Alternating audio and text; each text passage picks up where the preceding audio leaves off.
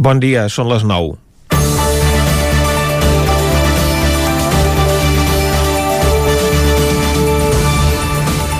Comentàvem en el programa d'ahir que les obres al túnel de Toses avançaven a bon ritme. Bé, dins del bon ritme de la pròrroga que es van donar perquè ja haurien d'haver acabat fa dos mesos, però es van trobar amb problemes de despreniments al seu interior quan en reforçaven el recobriment. El cas és que ahir un dels vehicles que participava a les obres va donar un ensurt de por que per sort no va tenir conseqüències. Resulta que un ferrocamió, un vehicle híbrid que pot circular per carretera o per damunt de la via, que estava a l'estació de Planoles, però on ja no hi circulen els trens, es va desfrenar. Aprofitant el pendent, va anar baixant per inèrcia durant 20 quilòmetres, travessant dues estacions i diversos passos a nivell, fins a quedar aturat a l'estació de Ripoll, població on la via ve de pla. Afortunadament, no es va trobar amb cap tren en tot el seu recorregut degut a les poques circulacions que hi ha en el tram transpirinenc de la via, menys de les que en el seu dia va prometre el govern del PP. De fet, un tren que arribava a Ripoll va haver de recular per evitar un possible impacte. La línia va quedar tallada entre Ripoll i Ribes, on actualment es fa el transbordament amb autocar per les obres del túnel, i els trens van estar circulant amb retard. El cas recorda molt el que es va produir el desembre de 1979, quan un tren que baixava de Ripoll va patir problemes de frens al seu pas per Osona. A Sant Martí de Centelles es va fer baixar els passatgers i el tren va continuar el seu recorregut per ser derivat als tallers. Un cop al Figaró, el maquinista va baixar i el tren va continuar desfrenat via avall. A la Garriga no el van poder fer descarrilar i va acabar topant a les franqueses amb un altre tren que circulava en sentit contrari. El resultat va ser de 22 persones mortes i una cinquantena de ferides en un dels pitjors accidents ferroviaris que ha patit Catalunya. En el cas del vehicle que es va desfrenar ahir, l'averia no és imputable a la companyia ferroviària, sinó que pertany a l'empresa que està duent a terme les obres i potser per això encara caldria estar més atents a les mesures de seguretat. Però darrerament hi ha hagut diversos incidents als ferrocarrils gestionats per l'Estat a Catalunya que, aprofitant que no han provocat danys personals, han quedat sense explicació. El president del Consell Comarcal del Ripollès exigia irresponsabilitats pel que va passar, ja que hagués pogut provocar una catàstrofe. És evident que amb el pas dels anys hi ha hagut millores, com l'automatització dels canvis d'agulla o de les barreres dels passos a nivell que s'activen quan hi ha alguna circulació per la via. I també els telèfons mòbils permeten alertar de seguida de qualsevol incidència però la línia, cada cop més desprovista de personal, de Barcelona a Puigcerdà requereix d'una atenció especial, perquè és la que circula una cota més alta del ferrocarril convencional a tota la península i hi ha trams amb molt pendent. I el que va passar ahir al Ripollès posa de manifest que en matèria de seguretat ben poca cosa s'ha millorat en 40 anys. Comencem Territori 17, a la sintonia del 9 FM, Ràdio Cardedeu, La Veu de Sant Joan, Ona Codinenca i el 9 TV. Territori 17, amb Vicenç Vigues i Jordi Sunyer.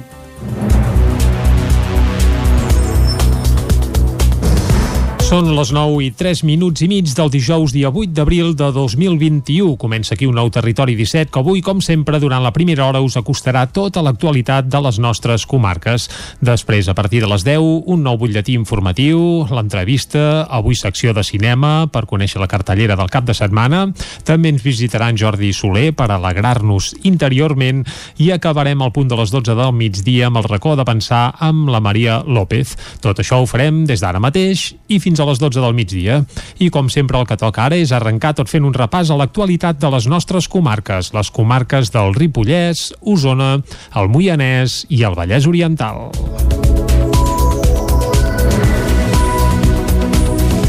Torna el confinament comarcal per intentar evitar la propagació del coronavirus. Serà vigent a partir de demà divendres. El Procicat ha decidit fer marxa enrere i ja no permetrà que les bombolles de convivència puguin sortir de la comarca, una excepció en les restriccions que havia estat vigent des del 15 de març. La mesura entrarà en vigor a partir de les 12 de la nit d'aquest mateix dijous i serà vigent cada dia de dilluns a diumenge fins al 19 d'abril. La decisió que es va anunciar ahir a la tarda en roda de premsa s'ha pres perquè la situació epidemiològica no és bona. La xifra de pacients amb Covid ingressats als hospitals catalans és ara mateix de 1.712, 458, dels quals són a les UCI, 13 més que aquest passat dimarts. La situació, a més, és especialment preocupant per l'augment de la nova variant britànica i també perquè encara no es veuen els efectes de l'obertura de la Setmana Santa, un període en què hi ha hagut un infradiagnòstic de contagis. Dilluns de Pasqua, per es van confirmar 300 casos menys del que seria habitual en un dilluns qualsevol. A Osona les dades tampoc conviden a l'optimisme. En els darrers set dies hi ha hagut 56 nous ingressats als hospitals. Als hospitals d'Osona ara mateix hi ha 110 persones ingressades per Covid-19. Segons l'últim balanç del Consorci Hospitalari de Vic, en l'última setmana s'han registrat 56 nous ingressos. 82 persones estan hospitalitzades a l'Hospital Universitari de Vic, de les quals 22 requereixen cures intensives. La quantitat de pacients ingressats amb Covid-19 ha augmentat un 50% respecte a la setmana passada. En aquest centre, a l'Hospital de la Santa Creu, hi ha 23 pacients ingressats amb resultat positiu i a l'Hospital Sant Jaume de Manlleu, que fins a finals de març havia estat lliure de Covid, n'hi ha 5. Pel que fa a les dades del Departament de Salut, els casos de coronavirus a Osona des de l'inici de la pandèmia superen els 17.600 i les defuncions arriben a les 643, 7 més que ara fa una setmana. A l'altra cara de la moneda hi ha la vacunació, que amb l'arribada de més dosis està avançant a bon ritme a Osona.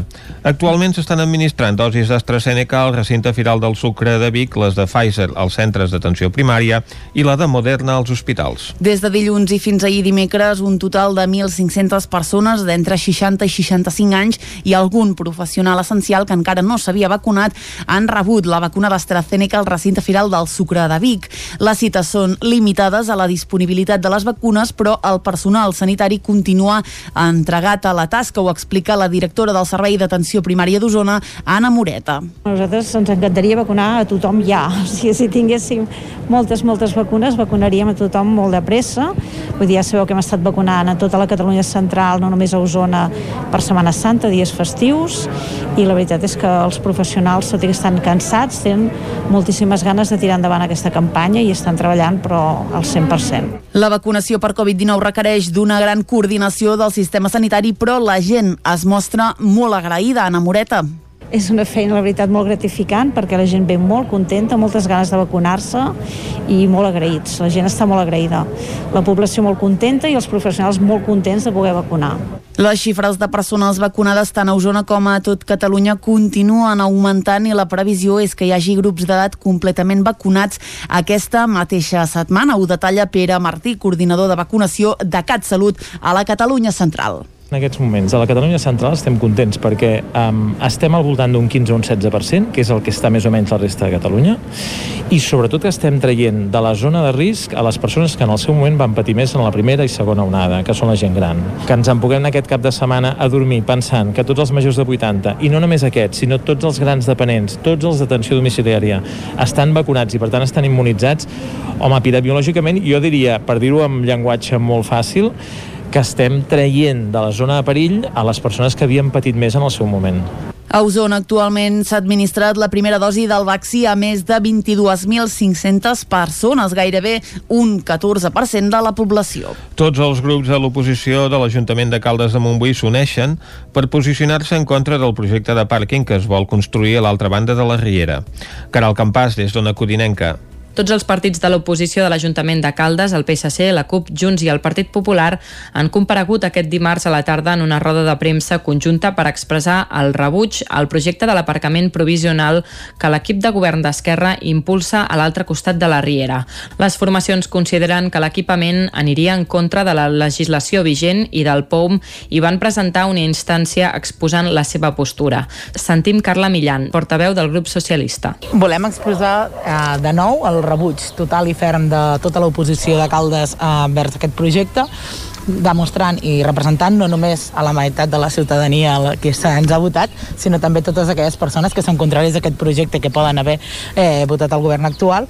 Entre d'altres punts, el text argumenta que el POUM descriu l'esmentada finca com a zona on hi serien permesos equipaments municipals balnearis de nova creació i que això no té res a veure amb els aparcaments encara que siguin provisionals. A més, els grups sotasignants consideren que el projecte generarà un problema de trànsit de vehicles rodats al pont d'accés a la zona i que no inclou cap anàlisi sobre el possible impacte en la mobilitat a Caldes. Per tot plegat, els grups exigeixen al govern que tiri enrere aquest aparcament o bé que es reconsideri la ubicació.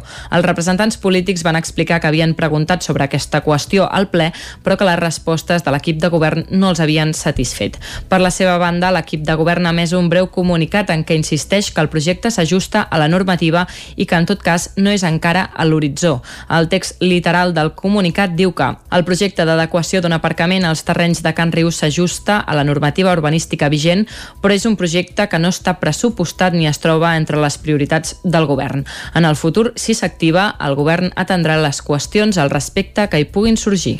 El grup municipal d'Esquerra Republicana de Sant Joan de les Abadeses es queixa que no han pogut presentar dues mocions que defensaven la llibertat d'expressió.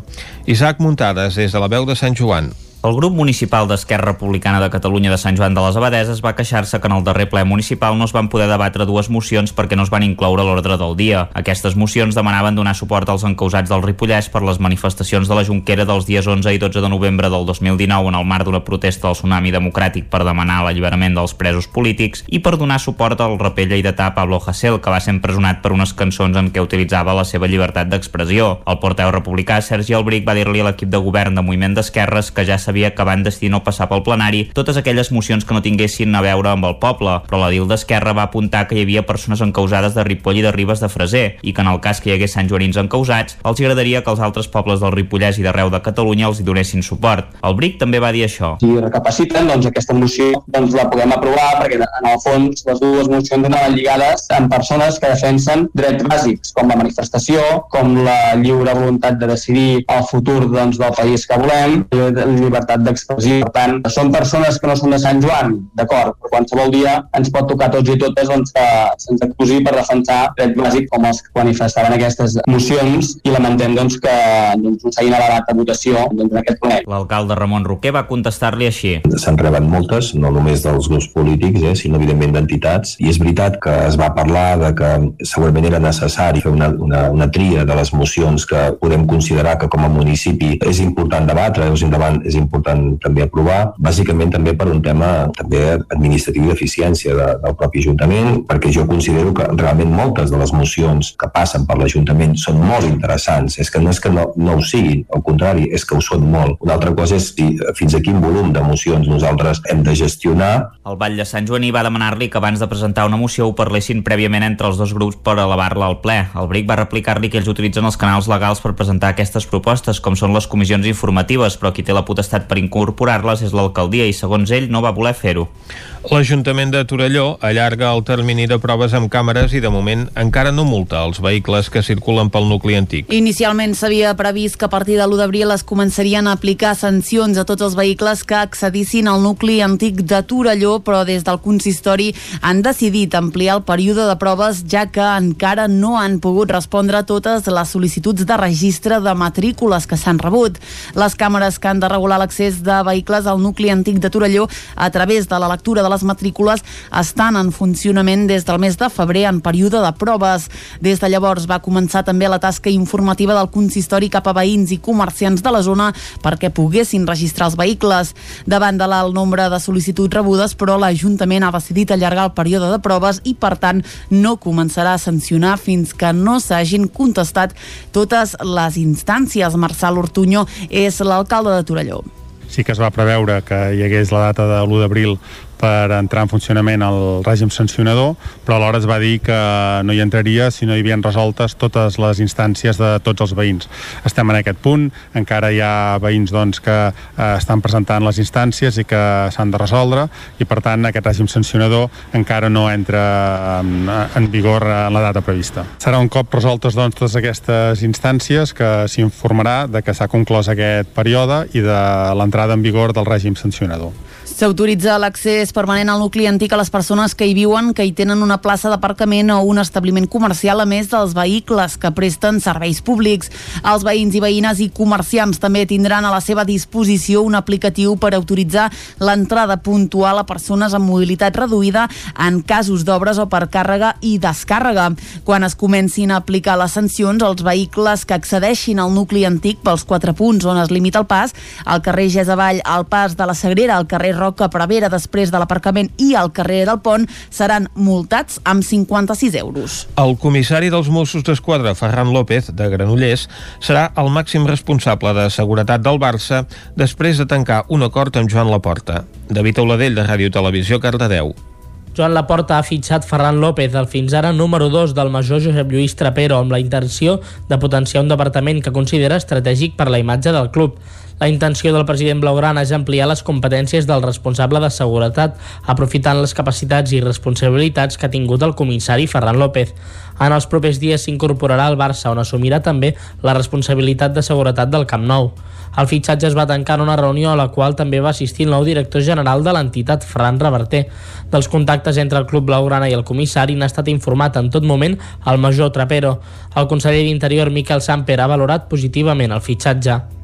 Ferran López de Granollers es va posar al capdavant dels Mossos d'Esquadra després del cessament de Trapero en l'aplicació de l'article 155. Amb la nova cúpula triada pel conseller Miquel Buch, Ferran López va passar un segon pla. Quan el major va ser absolt i va ser restituït, al novembre passat Josep Lluís Trapero el va recuperar per la cúpula policial. I fins aquí el butlletí informatiu de notícies que us hem ofert com sempre amb les veus de Vicenç Vigues, Clàudia Dinarès, David Auladell, Caral Campàs i Isaac Muntades. Ara el que ens toca és parlar del temps.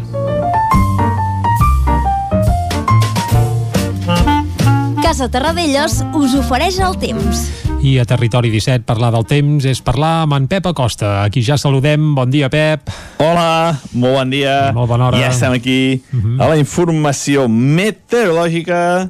Avui ja dijous. Correcte. Es va acostant el cap de setmana i, uh -huh. per tant, tothom té més cosa a fer, segurament. I la informació meteorològica és una mica més important, que tothom li agrada estar al cas del que passarà, de quin temps farà. I tant. Avui, Avui. Eh, ens llevem amb unes temperatures força baixes una altra vegada. Eh, torna una mica l'ambient hivernal a les nits. Mínimes de 6-7 sota 0 a les zones més altes del Pirineu, de les nostres comarques. Mm. Però també ha glaçat fort d'aquests llocs. Eh, 3 sota 0 Puigdesolles, eh, 3 sota 0 Molló, eh, 1, 2 sota 0 Vilarrau, i atenció eh, to, eh, les temperatures Osona, Mollanès eh, Vallès molts llocs per sota els 5 graus. Segurament ha glaçat en alguna, en alguna població a les més fredes de les nostres comarques eh, per tant una nit gairebé, gairebé d'hivern eh, després d'un de, dia d'ahir també força fred, amb unes temperatures que no van superar els 15 graus, gairebé cap població de les comarques, amb un dia bastant gris ahir, eh, sense gaires precipitacions per això. I després, a la tarda es va anar aclarint, i a la nit ha quedat bastant... Eh, molt, molt... Una nit molt estrellada, sense gaires núvols, i això ha fet que la temperatura baixés molt aquesta nit, eh? Com deia, unes temperatures gairebé, gairebé de, de mesos hivernals. Què ens espera avui? Què tenim avui per endavant? Avui serà un dia molt més tranquil que el d'ahir. Molts menys núvols. I, per tant, al, fer eh, menys núvols, haver-hi molt més de sol, la temperatura pujarà. Mm, com sempre dic, ja fa... Uh, ja hi ha moltes hores de sol ara i això fa que la, temperatura pugi. Uh, i, uh, hi haurà un gran contrast entre el dia i la nit. O sigui, les mínimes han estat baixes, les màximes uh, voltant els 20, 21, 22 graus fins i tot a les zones més càlides de les nostres poblacions. Si bé la majoria de les temperatures es quedaran dels 15 als 16 17. Uh, no farà ni bon tros calor, només ambient una mica suau als llocs més, més càlids, a les poblacions més càlides. Uh, aquesta entrada, aquesta entrada de fred s'acaba, aquesta injecció de, de vent àrtic s'acaba, no tindrem vents molt importants, mm, serà una zona bastant d'indefinició, no, no hi haurà uns vents predominants i seran vents molt fluixos.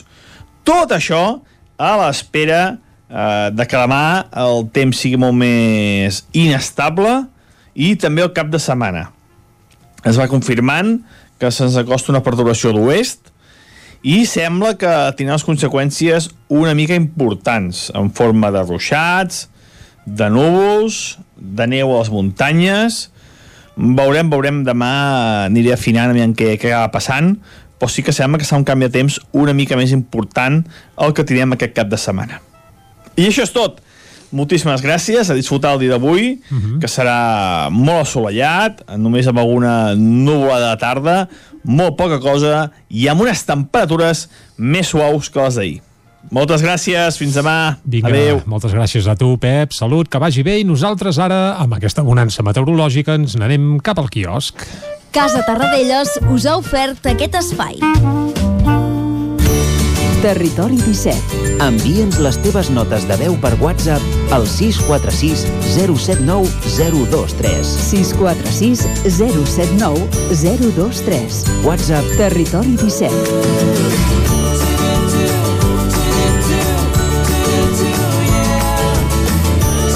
Territori 17. Som a Facebook, Twitter i Instagram amb l'usuari Territori 17.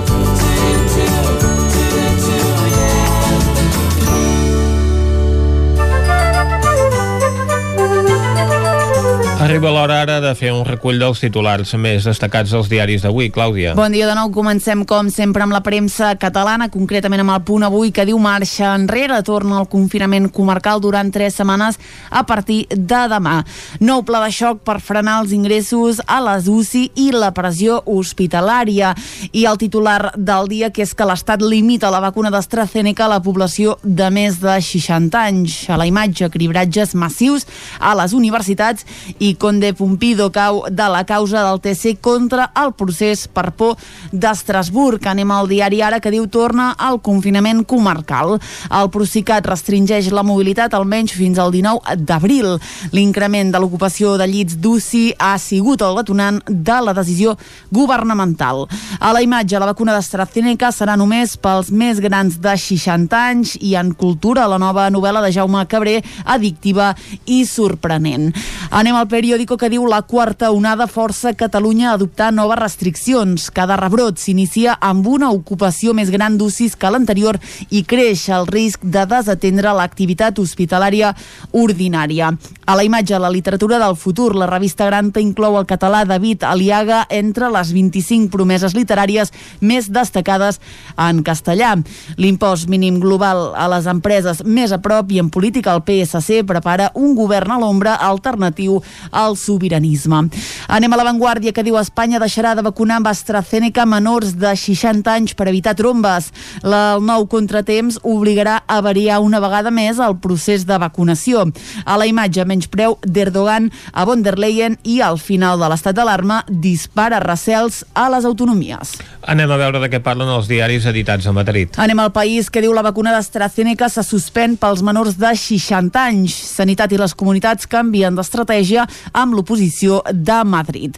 Govern i autonomies s'enfronten per al fi de l'estat d'alarma, indignació a Brussel·les, com veiem fa un moment, pel menyspreu a von der Leyen a Turquia i un míting de Bascal a Vallecas acaba amb disturbis. De fet, en parlem a la portada del Mundo, que diu Vox clama per les agressions als seus seguidors a Vallecas. Diuen que els cops de pedra tenen, uh, tenen uh, un culpable. Eh? Uh, ells assenyalen doncs, a Marlaska.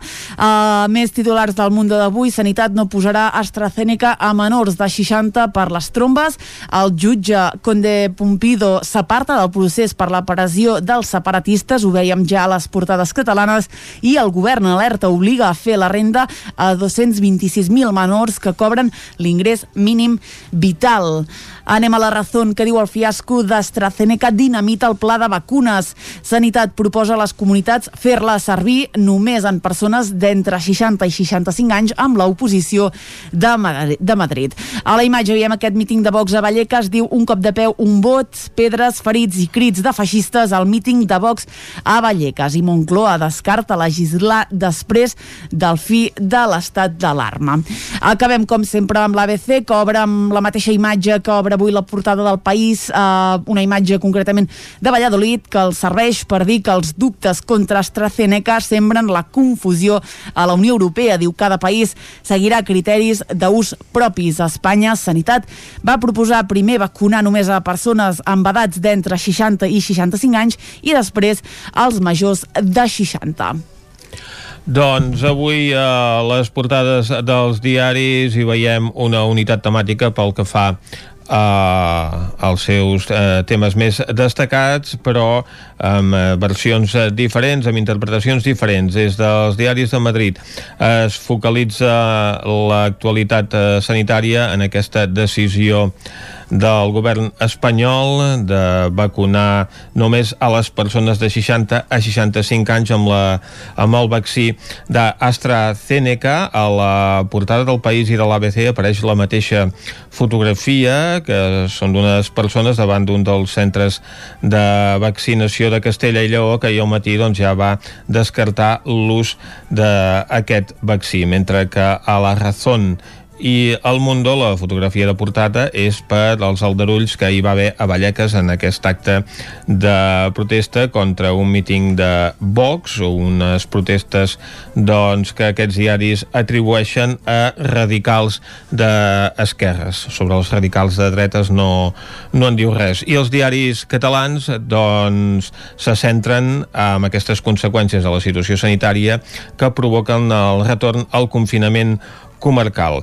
L'ara apareix una cua de gent amunt dels centres de vaccinació, el punt avui un dels cribratges que es comencen a fer a les universitats, en aquest cas a la Universitat de Lleida, a l'avantguàrdia doncs, apareix aquesta trobada d'Erdogan amb la presidenta de la Comissió Europea, que va ser relegada a seure en un sofà com si fos un assessor, i el periòdico doncs, apareix a la seva fotografia de portada David Aliaga, aquest autor considerat entre els 25 millors de la literatura en castellà, la literatura del futur era el seu titular, la literatura, el futur de la literatura doncs és en castellà segons el periòdico. Tanquem aquí aquest bloc informatiu. El nou FM, la ràdio de casa, al 92.8. Aquesta primavera, per estar bé a casa, vine a Mobles Verdolet. Sofàs, sales d'estudi, dormitoris, menjadors i molt més. Mobles fets a mida. Mobles Verdolet. Ens trobareu al carrer Morgades 14 de Vic i al carrer Nou 44 de Torelló i també a moblesverdolet.com. No va ser fàcil. Papeta Vilaró. Menjar a domicili per a gent gran. Menús saludables i adaptats segons les seves necessitats. Per viure més temps a casa amb millor salut i qualitat de vida. Informa-te'n al 931 31 71 81 o a papetavilaró.cat. Papeta Vilaró. La salut i el benestar dels nostres avis comença per cuidar el que mengen. Vols gaudir d'un bon arròs a casa sense no haver d'embrutar ni preocupar-te per res? La Fogonera, paelles per emportar. Un seguit de paelles, tapes, platets i postres casolans pensats per a paladars exigents. Ara més, fem menús per a petits grups de comensals. La Fogonera, la rosseria de paelles per emportar gurb i que també et portem a casa. Telèfon 93 851 55 75 i a lafogonera.cat. I quan cau la nit, Pupurri Culinari, solucions per sopar les nits de divendres i dissabte. Entra a pupurriculinari.cat i tria. A Aquari Jordi hi trobaràs periquitos, canaris i tot tipus d'ocells, conills, hàmster, ratolins, rates índies, peixos tropicals i molt més. Aquaris, tortugues, joguines i tots els complements i menjars per tot tipus d'animals. Vine a informar-te de totes les nostres ofertes. Aquari Jordi som al carrer Nou número 34 de Vic i també a Instagram.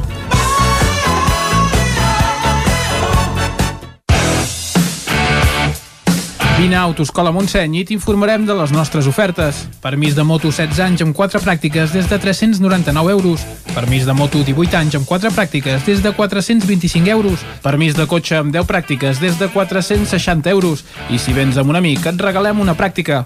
Per més informació, Autoscola Montseny, a la Rambla de Vallades 13, primer segona de Vic, al telèfon 93 885 45 88 i també a Facebook i Instagram. Pintures Xevi Soler. Tot en pintures. Façanes, obra nova, rehabilitacions interiors de vivenda, estucs, microciments, pintura industrial, motllures, terres vinílics... Pintures Xevi Soler. Ens agrada assessorar-vos i fer de casa vostra el millor lloc del món. Ens trobareu a Manlleu, al carrer Sogorb 113, telèfon 616 15 87 33 o 93 851 3504. La ràdio de casa al 92.8. El 9 FM.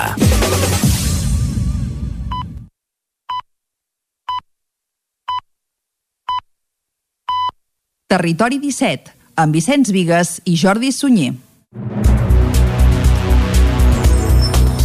Dos quarts de deu en punt d'avui dijous, dia 8 d'abril de 2021. Seguim en directe aquí a Territori 17 i de seguida us acostarem de nou tota l'actualitat de les nostres comarques. Després, a partir de les 10, més informació, entrevista. Avui parlarem amb Emili Castells per conèixer els problemes que hi ha a la planta de bosc al Vallès Oriental. També tindrem la secció de, bé, de PNL i Alegria Interior amb en Jordi Soler, que ens visitarà a partir de les 11. A més a més, anirem al cinema amb la Núria Lázaro, com tots els dijous, per conèixer també la cartellera del cap de setmana. I, a més a més, anirem d'excursió a GURB, al Descobrint Catalunya. Passarem per la R3, on, tal com heu eh, descobert, els que heu escoltat l'inici del programa, ahir va haver noves aventures. I, a més a més, acabarem, com sempre, tots els dijous, doncs, amb el racó de pensar, i ho farem amb la Maria López. Ja veieu que des d'ara mateix i fins al punt de les 12 ens queda encara molta feina i ara el que toca és, com sempre, acostar-vos de nou tota l'actualitat de les nostres comarques, les comarques del Ripollès, Osona, el Moianès i el Vallès Oriental. Torna el confinament comarcal per intentar evitar la propagació del coronavirus. Serà vigent a partir de demà divendres. El Procicat ha decidit fer marxa enrere i ja no permetrà que les bombolles de convivència puguin sortir de la comarca, una excepció en les restriccions que havia estat vigent des del 15 de març. La mesura entrarà en vigor a partir de les 12 de la nit d'aquest mateix dijous i serà vigent cada dia de dilluns a diumenge fins al 19 d'abril. La decisió que es va anunciar ahir a la tarda en roda de premsa s'ha pres perquè la situació epidemiològica no és bona. La xifra de pacients amb Covid ingressats als hospitals catalans és ara mateix de 1.712, 458 dels quals són a les UCI, 13 més que aquest passat dimarts. La situació, a més, és especialment preocupant per l'augment de la nova variant britànica i també perquè encara no es veuen els efectes de l'obertura de la Setmana Santa, un període en què hi ha hagut un infradiagnòstic de contagis. Dilluns de Pasqua, per es van confirmar 300 casos menys del que seria habitual en un dilluns qualsevol. A Osona les dades tampoc conviden a l'optimisme. En els darrers 7 dies hi ha hagut 56 nous ingressats als hospitals. Als hospitals d'Osona ara mateix hi ha 110 persones ingressades per Covid-19. Segons l'últim balanç del Consorci Hospitalari de Vic, en l'última setmana s'han registrat 56 nous ingressos. 82 persones estan hospitalitzades a l'Hospital Universitari de Vic, de les quals 22 requereixen cures intensives. La quantitat de pacients ingressats amb Covid-19 ha augmentat un 50% respecte a la setmana passada. En aquest centre, a l'Hospital de la Santa Creu, hi ha 23 pacients ingressats amb resultat positiu i a l'Hospital Sant Jaume de Manlleu, que fins a finals de març havia estat lliure de Covid, n'hi ha 5. Pel que fa a les dades del Departament de Salut, els casos de coronavirus a Osona des de l'inici de la pandèmia superen els 17.600 i les defuncions arriben a les 600 1.243, 7 més que ara fa una setmana. A l'altra cara de la moneda hi ha la vacunació, que amb l'arribada de més dosis està avançant a bon ritme a Osona.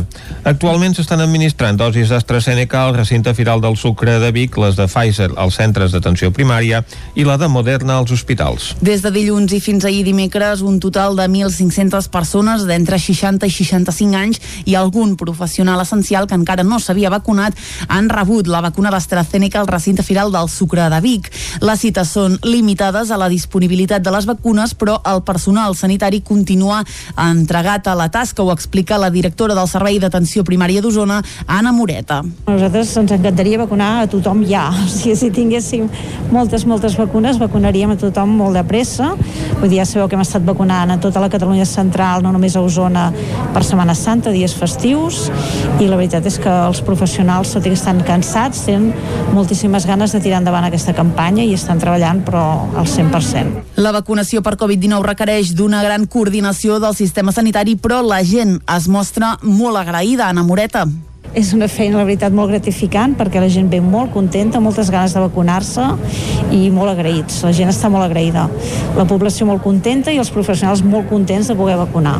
Les xifres de persones vacunades tant a Osona com a tot Catalunya continuen augmentant i la previsió és que hi hagi grups d'edat completament vacunats aquesta mateixa setmana. Ho detalla Pere Martí, coordinador de vacunació de CatSalut a la Catalunya Central. En aquests moments, a la Catalunya Central estem contents perquè um, estem al voltant d'un 15 o un 16%, que és el que està més o menys la resta de Catalunya, i sobretot que estem traient de la zona de risc a les persones que en el seu moment van patir més en la primera i segona onada, que són la gent gran. Que ens en puguem aquest cap de setmana a dormir pensant que tots els majors de 80, i no només aquests, sinó tots els grans dependents, tots els d'atenció domiciliària, estan vacunats i per tant estan immunitzats, home, epidemiològicament jo diria, per dir-ho amb llenguatge molt fàcil, que estem traient de la zona de perill a les persones que havien patit més en el seu moment.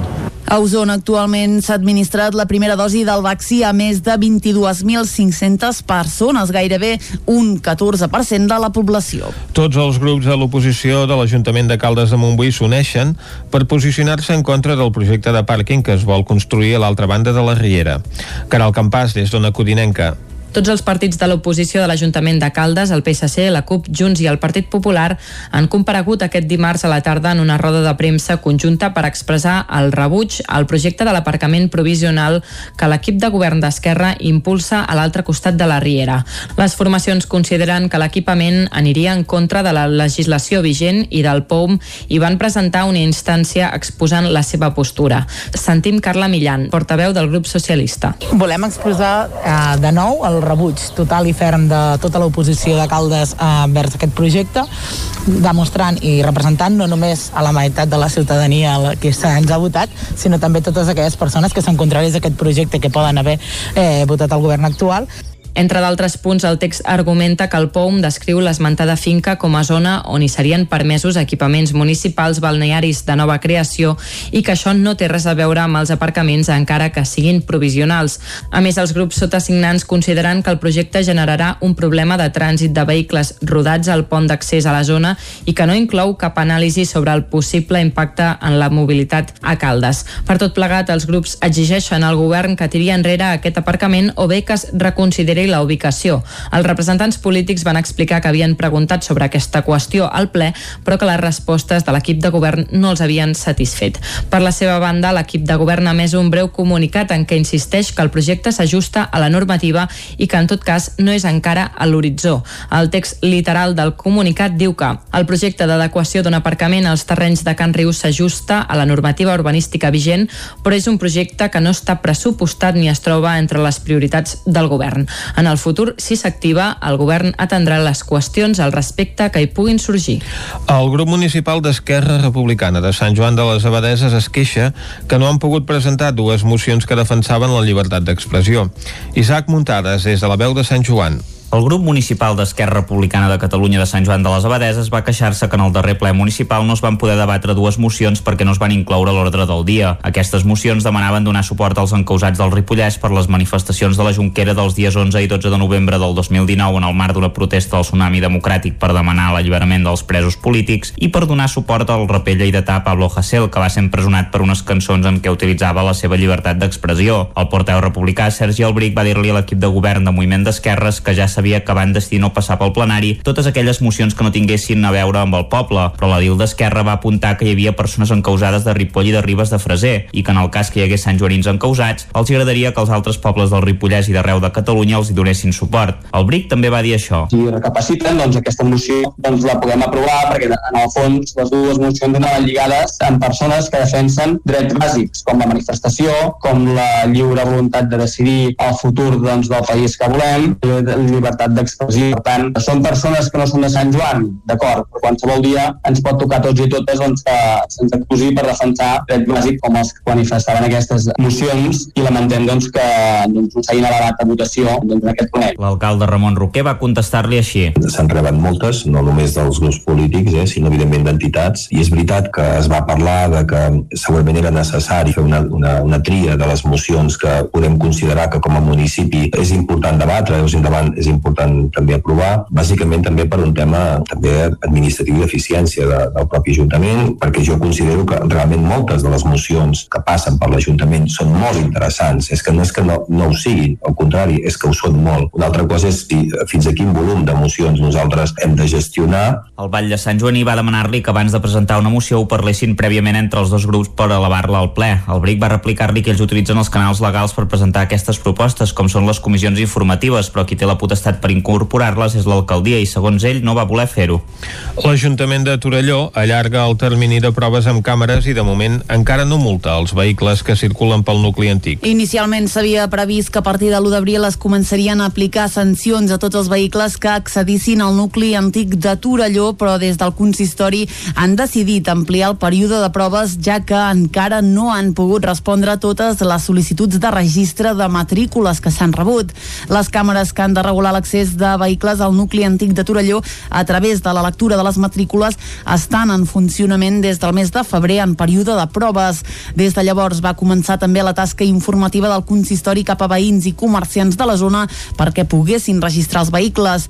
Davant de l'alt nombre de sol·licituds rebudes, però l'Ajuntament ha decidit allargar el període de proves i, per tant, no començarà a sancionar fins que no s'hagin contestat totes les instàncies. Marçal Ortuño és l'alcalde de Torelló sí que es va preveure que hi hagués la data de l'1 d'abril per entrar en funcionament el règim sancionador, però alhora es va dir que no hi entraria si no hi havien resoltes totes les instàncies de tots els veïns.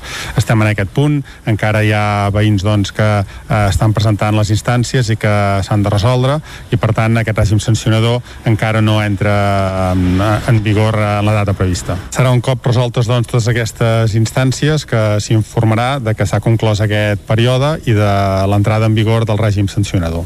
S'autoritza l'accés permanent al nucli antic a les persones que hi viuen, que hi tenen una plaça d'aparcament o un establiment comercial, a més dels vehicles que presten serveis públics.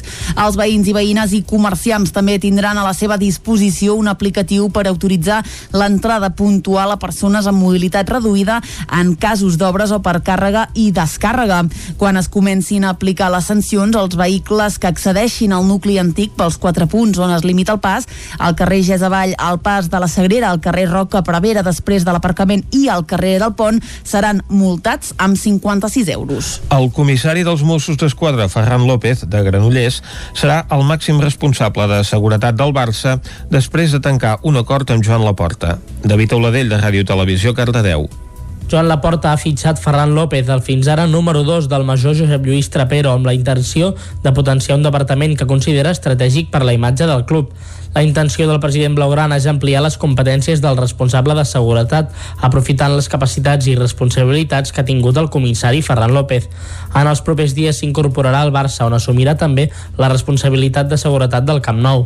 El fitxatge es va tancar en una reunió a la qual també va assistir el nou director general de l'entitat, Ferran Reverter. Dels contactes entre el Club Blaugrana i el comissari n'ha estat informat en tot moment el major Trapero. El conseller d'Interior, Miquel Samper, ha valorat positivament el fitxatge. Ferran López de Granollers es va posar al capdavant dels Mossos d'Esquadra després del cessament de Trapero en l'aplicació de l'article 155. Amb la nova cúpula triada pel conseller Miquel Buch, Ferran López va passar un segon pla. Quan el major va ser absolt i va ser restituït, al novembre passat Josep Lluís Trapero el va recuperar per la cúpula policial. I fins aquí el butlletí informatiu de notícies que us hem ofert com sempre amb les veus de Vicenç Vigues, Clàudia Dinarès, David Auladell, Caral Campàs i Isaac Muntades. Ara el que ens toca és parlar del temps.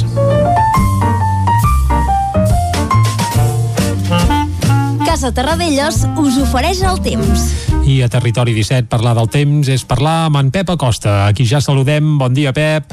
Hola, molt bon dia. Molt bona hora. Ja estem aquí uh -huh. a la informació meteorològica.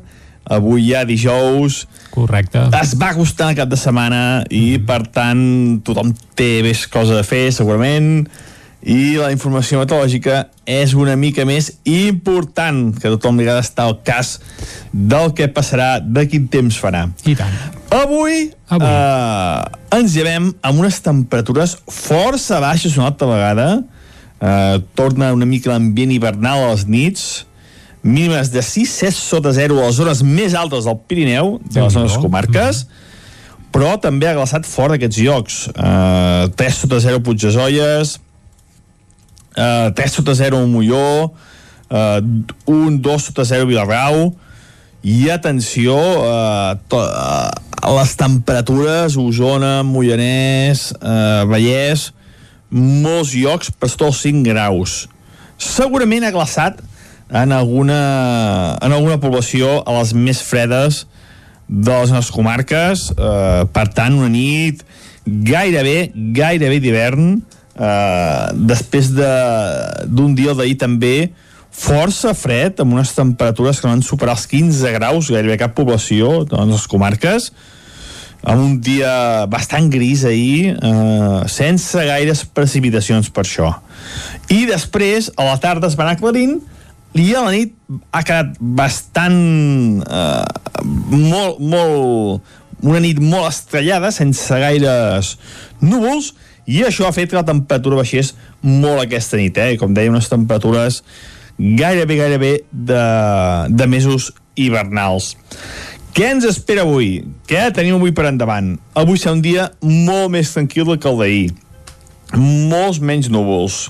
I, per tant, al fer eh, menys núvols, haver-hi molt més de sol, la temperatura pujarà. Mm, com sempre dic, ja fa Uh, ja hi ha moltes hores de sol ara i això fa que la, la temperatura pugi. Uh, i, uh, hi haurà un gran contrast entre el dia i la nit. O sigui, les mínimes han estat baixes, les màximes uh, voltant els 20, 21, 22 graus fins i tot a les zones més càlides de les nostres poblacions. Si bé la majoria de les temperatures es quedaran dels 15 als 16 17. Uh, no farà ni bon tros calor, només ambient una mica suau als llocs més, més càlids, a les poblacions més càlides. Uh, aquesta entrada, aquesta entrada de fred s'acaba, aquesta injecció de, de vent àrtic s'acaba, no tindrem vents molt importants, mm, serà una zona bastant d'indefinició, no, no hi haurà uns vents predominants i seran vents molt fluixos. Tot això a l'espera eh, de que demà el temps sigui molt més inestable i també el cap de setmana. Es va confirmant que se'ns acosta una perturbació d'oest i sembla que tindrà les conseqüències una mica importants en forma de ruixats, de núvols, de neu a les muntanyes. Veurem, veurem demà, aniré afinant aviam què, què acaba passant, però sí que sembla que serà un canvi de temps una mica més important el que tindrem aquest cap de setmana. I això és tot. Moltíssimes gràcies, a disfrutar el dia d'avui, uh -huh. que serà molt assolellat, només amb alguna núvola de tarda, molt poca cosa, i amb unes temperatures més suaus que les d'ahir. Moltes gràcies, fins demà. Vinga, Adéu. moltes gràcies a tu, Pep. Salut, que vagi bé i nosaltres ara, amb aquesta bonança meteorològica, ens n'anem cap al quiosc. Casa Tarradellas us ha ofert aquest espai. Territori 17. Envia'ns les teves notes de veu per WhatsApp al 646 079 023. 646 079 023. WhatsApp Territori 17.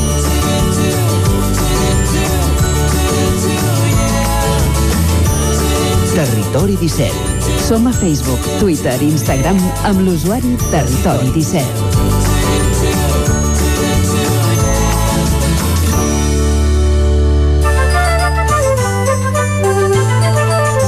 Arriba l'hora ara de fer un recull dels titulars més destacats dels diaris d'avui. Clàudia. Bon dia de nou. Comencem, com sempre, amb la premsa catalana, concretament amb el punt avui que diu marxa enrere, torna al confinament comarcal durant tres setmanes a partir de demà. Nou pla de xoc per frenar els ingressos a les UCI i la pressió hospitalària. I el titular del dia, que és que l'Estat limita la vacuna d'AstraZeneca a la població de més de 60 anys. A la imatge, cribratges massius a les universitats i Conde Pumpido cau de la causa del TC contra el procés per por d'Estrasburg. Anem al diari ara que diu torna al confinament comarcal.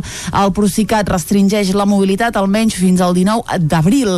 L'increment de l'ocupació de llits d'UCI ha sigut el detonant de la decisió governamental. A la imatge, la vacuna d'AstraZeneca serà només pels més grans de 60 anys i en cultura, la nova novel·la de Jaume Cabré, addictiva i sorprenent.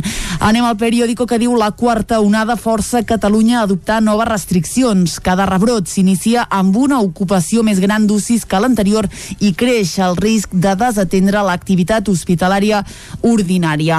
A la imatge, la literatura del futur, la revista Granta inclou el català David Aliaga entre les 25 promeses literàries més destacades en castellà. L'impost mínim global a les empreses més a prop i en política el PSC prepara un govern a l'ombra alternatiu al sobiranisme. Anem a l'avantguàrdia que diu Espanya deixarà de vacunar amb AstraZeneca menors de 60 anys per evitar trombes. La, el nou contratemps obligarà a variar una vegada més el procés de vacunació. A la imatge, menyspreu d'Erdogan a von der Leyen i al final de l'estat d'alarma dispara recels a les autonomies. Anem a veure de què parlen els diaris editats a Madrid. Anem al país que diu la vacuna d'AstraZeneca se suspèn pels menors de 60 anys. Sanitat i les comunitats canvien d'estratègia amb l'oposició de Madrid. Govern i autonomies s'enfronten per al fi de l'estat d'alarma, indignació a Brussel·les, com veiem fa un moment, pel menyspreu a von der Leyen a Turquia i un míting de Bascal a Vallecas acaba amb disturbis. De fet, en parlem a la portada del Mundo, que diu Vox clama per les agressions als seus seguidors a Vallecas. Diuen que els cops de pedra tenen, uh, tenen uh, un culpable. Eh? Uh, ells assenyalen doncs, a Marlaska. Uh, més titulars del Mundo d'avui. Sanitat no posarà AstraZeneca a menors de 60 per les trombes. El jutge Conde Pumpido s'aparta del procés per la pressió dels separatistes, ho veiem ja a les portades catalanes, i el govern alerta obliga a fer la renda a 226.000 menors que cobren l'ingrés mínim vital. Anem a la raó que diu el fiasco d'AstraZeneca dinamita el pla de vacunes. Sanitat proposa a les comunitats fer-la servir només en persones d'entre 60 i 65 anys amb l'oposició de, de Madrid. A la imatge veiem aquest míting de Vox a Vallecas, diu un cop de peu, un vot, pedres, ferits i crits de feixistes al míting de Vox a Vallecas. I Moncloa descarta legislar després del fi de l'estat d'alarma. Acabem, com sempre, amb l'ABC, que obre amb la mateixa imatge que obre avui la portada del país, eh, una imatge concretament de Valladolid, que els serveix per dir que els dubtes contra AstraZeneca sembren la confusió a la Unió Europea. Diu cada país seguirà criteris d'ús propis. A Espanya, Sanitat va proposar primer vacunar només a persones amb edats d'entre 60 i 65 anys i després als majors de 60. Doncs avui a les portades dels diaris hi veiem una unitat temàtica pel que fa uh, als seus uh, temes més destacats, però amb uh, versions uh, diferents, amb interpretacions diferents. Des dels diaris de Madrid es focalitza l'actualitat sanitària en aquesta decisió del govern espanyol de vacunar només a les persones de 60 a 65 anys amb, la, amb el vaccí d'AstraZeneca. A la portada del País i de l'ABC apareix la mateixa fotografia que són d'unes persones davant d'un dels centres de vaccinació de Castella i Lleó que ahir al matí doncs, ja va descartar l'ús d'aquest vaccí, mentre que a la Razón i al Mundo la fotografia de portada és per als aldarulls que hi va haver a Vallecas en aquest acte de protesta contra un míting de Vox o unes protestes doncs, que aquests diaris atribueixen a radicals d'esquerres. Sobre els radicals de dretes no, no en diu res. I els diaris catalans doncs, se centren en aquestes conseqüències de la situació sanitària que provoquen el retorn al confinament comarcal. L'ara apareix una cua de gent amunt dels centres de vaccinació, el punt avui un dels cribratges que es comencen a fer a les universitats, en aquest cas a la Universitat de Lleida, a l'avantguàrdia doncs, apareix aquesta trobada d'Erdogan amb la presidenta de la Comissió Europea, que va ser relegada a seure en un sofà com si fos un assessor, i el periòdico doncs, apareix a la seva fotografia de portada David Aliaga, aquest autor considerat entre els 25 millors de la literatura en castellà, la literatura del futur era el seu titular, la literatura, el futur de la literatura doncs és en castellà segons el periòdico. Tanquem aquí aquest bloc informatiu. Uf, això del futur de la literatura... Que, bé, aquí podríem estar-hi unes quantes hores. I tant que sí. En venen molts i molts noms, alguns dels quals ja els hem citat aquí a Territori 17, i el futur de la Molt literatura... més que no pas aquest autor del qual parlen ells. Que, que bé, segurament és un gran autor, però en tenim molts a casa nostra i al nostre territori amb un futur eh, no només aquí, sinó pràcticament a, a, a nivell mundial, perquè la veritat... fora de, de les nostres fronteres. I tant, i tant que sí. Però bé, va, no ens assenyirem pas ara a parlar de la literatura, sinó que parlarem de música. A la part final de la primera hora de Territori 17 sempre us acostem alguna novetat algun aspecte vinculat al món musical i avui eh, volem anar cap a Santa Eulàlia de Ronçana. Uh, Santa Eulàlia de Ronçana té dos grans pols uh, musicals artístics, i allò. un és el Jaume Arnella del qual ja hem parlat moltes vegades i uh, una mica a les antípodes del Jaume Arnella hi ha The Crab Apples uh, et sonen? Per començar, Vicenç? perquè són noies. Correcte. Jaume Arnella és un home. Sí, home, uh, sí, i pel que fa gènere ja et dic jo que no tenen res a veure, eh? però a nosaltres ens agraden tots, no, només faltaria. The Crab Apples és una formació, bàsicament un trio d'indie pop rock, uh, com bé deies, format per tres noies, tot i que, bé, cal dir que hi ha un bateria, Un que és un bateria. noi, eh, que es diu Mauro.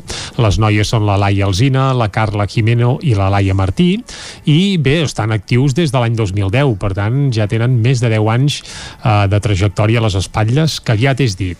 I avui eh, volem parlar d'elles doncs, perquè acaben de treure un nou disc, un nou disc que es diu Crap, i en el qual hi ha unes quantes peces, una d'elles l'escoltarem de seguida, és el seu primer single, Me da igual. Però abans farem una mica de trajectòria i recorregut, eh? com que no n'hem parlat mai, doncs fem una mica de pedagogia. Va, el grup, com bé hem dit, es va formar ja fa 10 anys, l'any 2010, i al principi eren un grup de versions. Van Ah. començar, doncs això, fent versions. Al cap d'un parell o tres d'anys, per això van començar a fer les seves primeres peces Uh, pròpies, es van presentar al Sona Nou, un concurs del qual també hem parlat algunes vegades aquí a Territori 17, segurament el concurs de més prestigi que es fa ara més ara mateix als països catalans i bé, no el van guanyar, però sí que això els va servir doncs perquè Dismedi un segell, un dels segells més rellevants de l'àmbit nacional eh, les fitxers i eh, editessin el seu primer disc, un primer disc que va arribar l'any 2014 on alternaven peces en català i també en anglès. D'aquell primer disc, doncs bé, després en van venir uns quants més, eh? El 2016 en van treure un altre, en aquest cas un EP, on es van passar ja només a l'anglès, es deia Hello Stranger, el 2018 van treure A Drastic Mistake, eh, aquí van agafar ja un so més indie, més alternatiu, i ja van fer una mica la marca de la casa de per on van ara una mica els trets. El 2019 van editar un, un EP eh, que es deia More Mistakes, és a dir, més, eh, més cagades, a tothom que ho agafi més errors per on, per on vulgui. Era una mica la continuació d'aquest A Drastic Mistake i ara feia un cert temps que no en sabíem gaire res de, de les Crap Apples, però doncs això, han tornat i ho han fet amb un fantàstic eh, nou disc que, com bé dèiem, es titula Crap eh, i que conté cançons com la que escoltarem ara, que es titula Me da igual. Amb aquesta peça arribarem fins al punt de les 10 aquí a Territori 17, amb aquest grup del Vallès Oriental de Santa Eulàlia de Ronçana. L'escoltem? Endavant. Doncs anem-hi. Lo que esto me hace sentir. Y si estoy viva y respirando, será gracias a ti. Nuestras mentes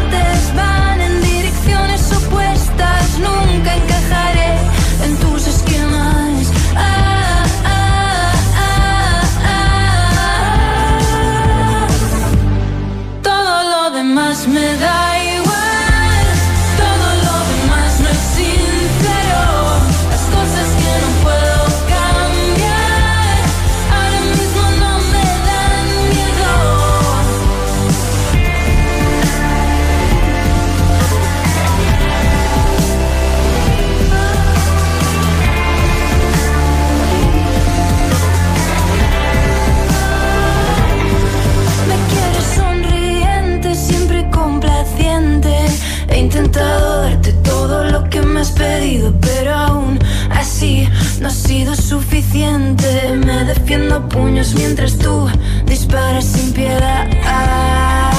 ¿Quién ganará? Hagan sus apuestas.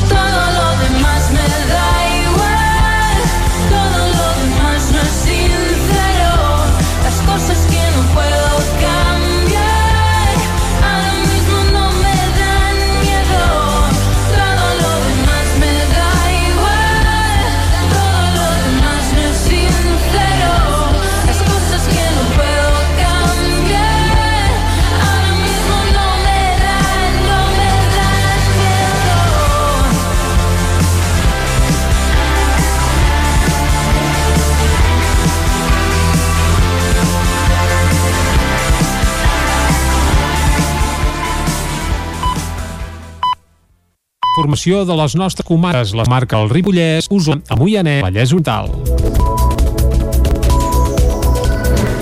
Junts Ripoll obre la porta a preservar la bana d'Orina i fer un pom nou durant el Sac Muntades, és a la Sant Joan. L'equip de govern de Junts Ribes va mostrar obert a Cervana per continuar sent una agrícola fut. En la darrera sessió plenària, l'alcalde Joan Moner recordava amb un pla d'ordenació urbanística municipal de 2008 confat per Esquerra Republicana, que planejava construir una estació de ferrocarril intermodal amb els seus aparcaments i una pista poliesportiva d'atletisme. Tota aquesta discussió es va originar arran conveni que van signar l'Ajuntament i Adif de supressió de passos a nivell del municipi, que incluïa l'eliminació de tres passos rodats quatre de vianants. Això significava l'eliminació de tres passos a nivell Ordina, on només n'hi quedaria un. El portaveu republicà, Roger Bosch, va els seus dubtes. els dubtes que genera doncs, tancament d'aquests passos existents i sobretot aquesta solució que donem de connexió entre ells, amb un vial al mig d'Ordina, no? una zona que per les coses sembla que sigui viable, per posar-hi un, un cobert per hort o per posar-hi cabals, que, encara hi podem fer-hi un vial. No, no, és que ens falta la informació. Moner va explicar que aquest vial transcorrerà dins del mini ferroviari i és uns metres al costat de la via, ja que allò pertany a. Bosch va dir que Gest de Valentia fer nou POM i Monell va entomar el guany per un futur. Precisament aquí tocaria el pla general nou, perquè la conjuntura i el clímax doncs, amb el qual es va elaborar i el, i el creixement i les inversions i les subvencions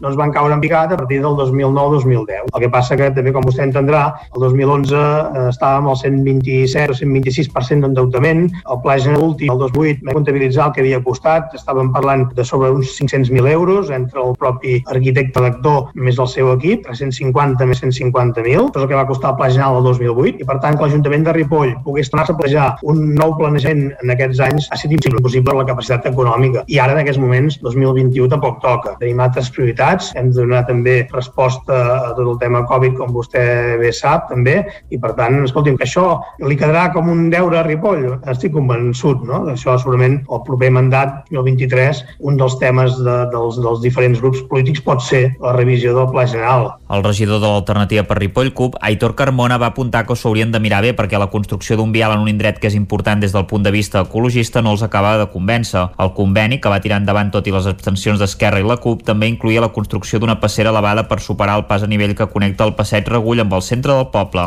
El ple de l'Ajuntament de Granollers ha aprovat la cessió dels terrenys per ampliar l'hospital. David Auladell, de Ràdio Televisió, Cardedeu. El darrer ple de l'Ajuntament va aprovar per unanimitat cedir al Servei Català de la Salut dos terrenys que sumen uns 14.000 metres quadrats de propietat municipal per fer possible l'ampliació de l'Hospital de Granollers. Actualment la majoria d'aquests terrenys municipals actuen com a aparcament gratuït al costat del centre sanitari. Aquesta aprovació és un pas en el procés de la construcció del nou edifici d'ampliació de l'hospital, que entre d'altres ha d'acollir el nou servei d'urgències. En un altre punt es va aprovar encarregar a la Societat Municipal Granollers Habitatge la redacció del plantejament derivat, el pla parcial i els instruments de gestió urbanística, o sigui, els projectes d'urbanització i reparcel·lació del sector B doble del POUM, sector on es farà aquesta ampliació. Sobre l'ampliació de l'hospital, l'alcalde va recordar que Salut ja ha tret la licitació de l'obra amb un pressupost de 32 milions per un procediment de màxima urgència. Més detencions arran dels actes vandàlics que hi va haver a Vic després del míting electoral de Vox el passat mes de febrer. Els Mossos d'Esquadra van detenir dimecres passat a tres joves de Vic de 18, 19 i 21 anys per haver participat en els actes vandàlics i disturbis que hi va haver després del míting electoral de Vox a la capital usonenca el dissabte 6 de febrer. Amb aquests arrestos, el nombre de persones detingudes ja s'eleva a 9. Dues al mateix dia dels fets, quatre entre el 9 i el 10 de febrer pel robatori violent d'un telèfon mòbil i els tres de la setmana passada. També hi ha dues persones més denunciades per danys. Els detinguts de dimecres se'ls imputen delictes de danys, desordres públics i lesions. Els tres nois formaven part d'un grup que hauria provocat diverses destrosses des de la Rambla del Passeig fins a l'estació de tren o al supermercat Carrefour de la zona del Sucre, on també haurien agredit el vigilant de seguretat. La investigació continua oberta i no es descarten noves detencions. Segons expliquen des dels Mossos, també hi ha una altra persona en i captura arran dels mateixos incidents. El cos està treballant en col·laboració amb la Guàrdia Urbana de Vic i la policia local de Manlleu. Els veïns de Sant Feliu de Codines es queixen de curses il·legals organitzades de forma recurrent a la carretera que va cap a Sant Miquel del Fai. Caral Campàs, des d'Ona Codinenca. La carretera BB-1485, que va cap a Sant Miquel del Fai i des d'on també s'accedeix al Parc Usart, és un recorregut que habitualment és utilitzat per excursionistes, ciclistes i famílies. La pandèmia i l'obertura progressiva dels diversos confinaments ha generat un augment d'aquest tipus d'activitats a la carretera i al mateix temps ha augmentat el volum de persones que hi passa. Alhora, però, fa setmanes que diversos veïns de la població denuncien curses de cotxes que posen en perill a les persones que van caminant o en bicicleta. Escoltem Quim Martínez. Eh, anàvem al Parc Usar de, de passeig i ens va sorprendre que contínuament hi havia un degoteig de, de cotxes eh, amb un perfil molt similar, que eren cotxes eh, tots tonejats, eh, d'aquests doncs, molt, molt preparats, amb més d'un tub d'escapament, fent un soroll eh, força tronador que, que, que es feien mirar i que anaven pues, certament ràpids per la, per la carretera i tenint en compte que, doncs, que també hi passeja, hi passeja la gent. Per altra banda, l'Ajuntament reconeix la situació però puntualitza que la titularitat de la carretera pertany a la Diputació. D'aquesta manera, el que poden fer només és avisar aquesta administració per tal que ells resolguin la problemàtica. Sentim Mercè Serratacó, alcaldessa de Sant Feliu. no, si no està indicat tal com ha d'anar, la, la, la, ho fa la pròpia Diputació, no podem canviar-ho.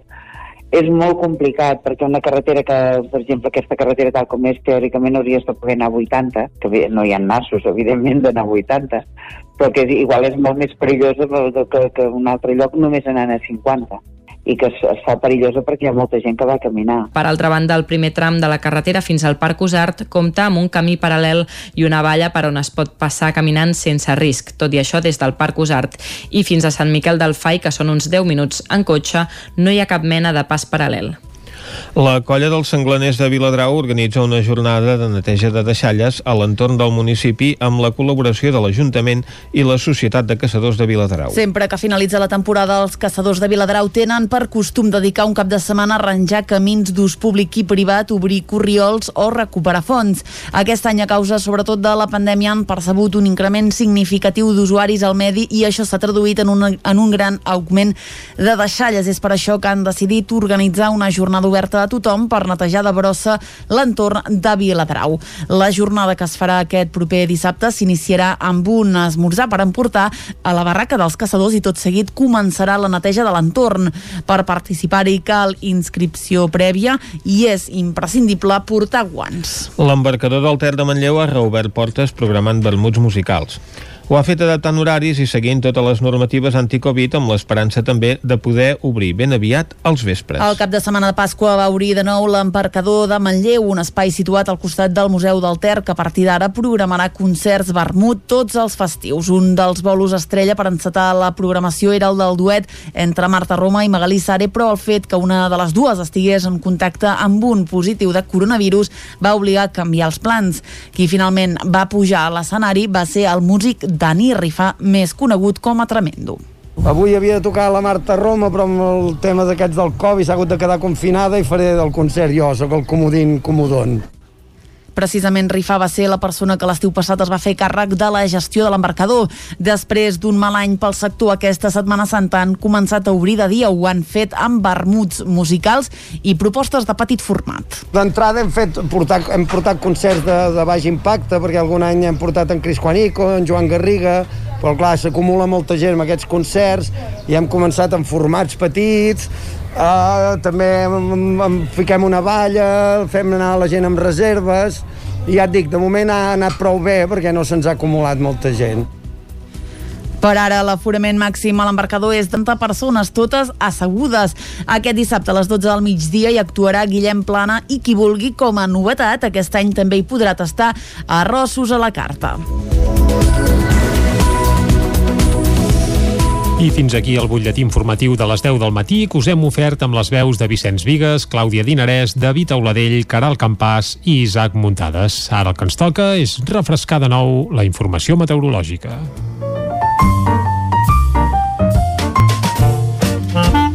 Casa Terradellos us ofereix el temps. I per saber el temps que ens espera per a les properes hores, el que farem ara mateix és saludar altra vegada en Pep Acosta. Molt bon dia, Pep. Hola, molt bon dia. Molt bona hora. Què ens espera avui? Què tenim avui per endavant? Avui serà un dia molt més tranquil que el d'ahir. Molts menys núvols. I, per tant, al, fer eh, menys núvols, haver-hi molt més de sol, la temperatura pujarà. Mm, Com sempre dic, ja fa Uh, ja hi ha moltes hores de sol ara i això fa que la, temperatura pugi. Uh, i, uh, hi haurà un gran contrast entre el dia i la nit. O sigui, les mínimes han estat baixes, les màximes uh, voltant els 20, 21, 22 graus fins i tot a les zones més càlides de les nostres poblacions. Si bé la majoria de les temperatures es quedaran dels 15 als 16 17. Uh, no farà ni bon tros calor, només ambient una mica suau als llocs més, més càlids, a les poblacions més càlides.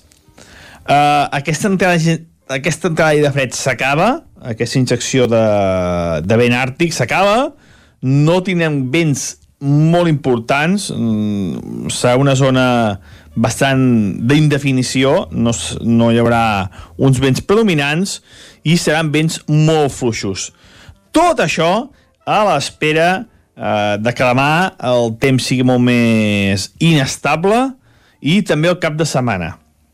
Es va confirmant que se'ns acosta una perturbació d'oest i sembla que tindrà les conseqüències una mica importants en forma de ruixats, de núvols, de neu a les muntanyes. Veurem, veurem demà, aniré afinant aviam què, què acaba passant, però sí que sembla que serà un canvi de temps una mica més important Aviam. el que tindrem aquest cap de setmana. I això és tot. Moltíssimes gràcies, a disfrutar el dia d'avui, que serà molt assolellat, només amb alguna nuvolada de tarda, molt poca cosa, i amb unes temperatures més suaus que les d'ahir. Moltes gràcies, fins demà, adeu. Va, va, gràcies a tu, uh, Pep, però bé, recordem que el cap de setmana passat, que el passat també ens auguraves que venia un cap de setmana complicat i passat per aigua i al final uh, va ser ben eixut, eh? Diguem si es compleixen les previsions per aquest o no. En tot A cas, demà ho acabarem d'afinar, això, suposo. Esperem eh, que sí, de tota manera, doncs eh, és la primavera, hi ha una mica de tot i a més a més les pluges també convenen perquè fa I temps tant. que no plou. Està tot molt sec i una bona remullada, doncs segur que convindria, que hi ha molta pols als camins. Uh, tanquem aquí el bloc uh, meteorològic i anem ara cap a l'entrevista aquí a Territori 17. Casa Tarradellas us ha ofert aquest espai. Territori 17. Envia'ns les teves notes de veu per WhatsApp al 646 079 023. 646 079 023. WhatsApp Territori 17.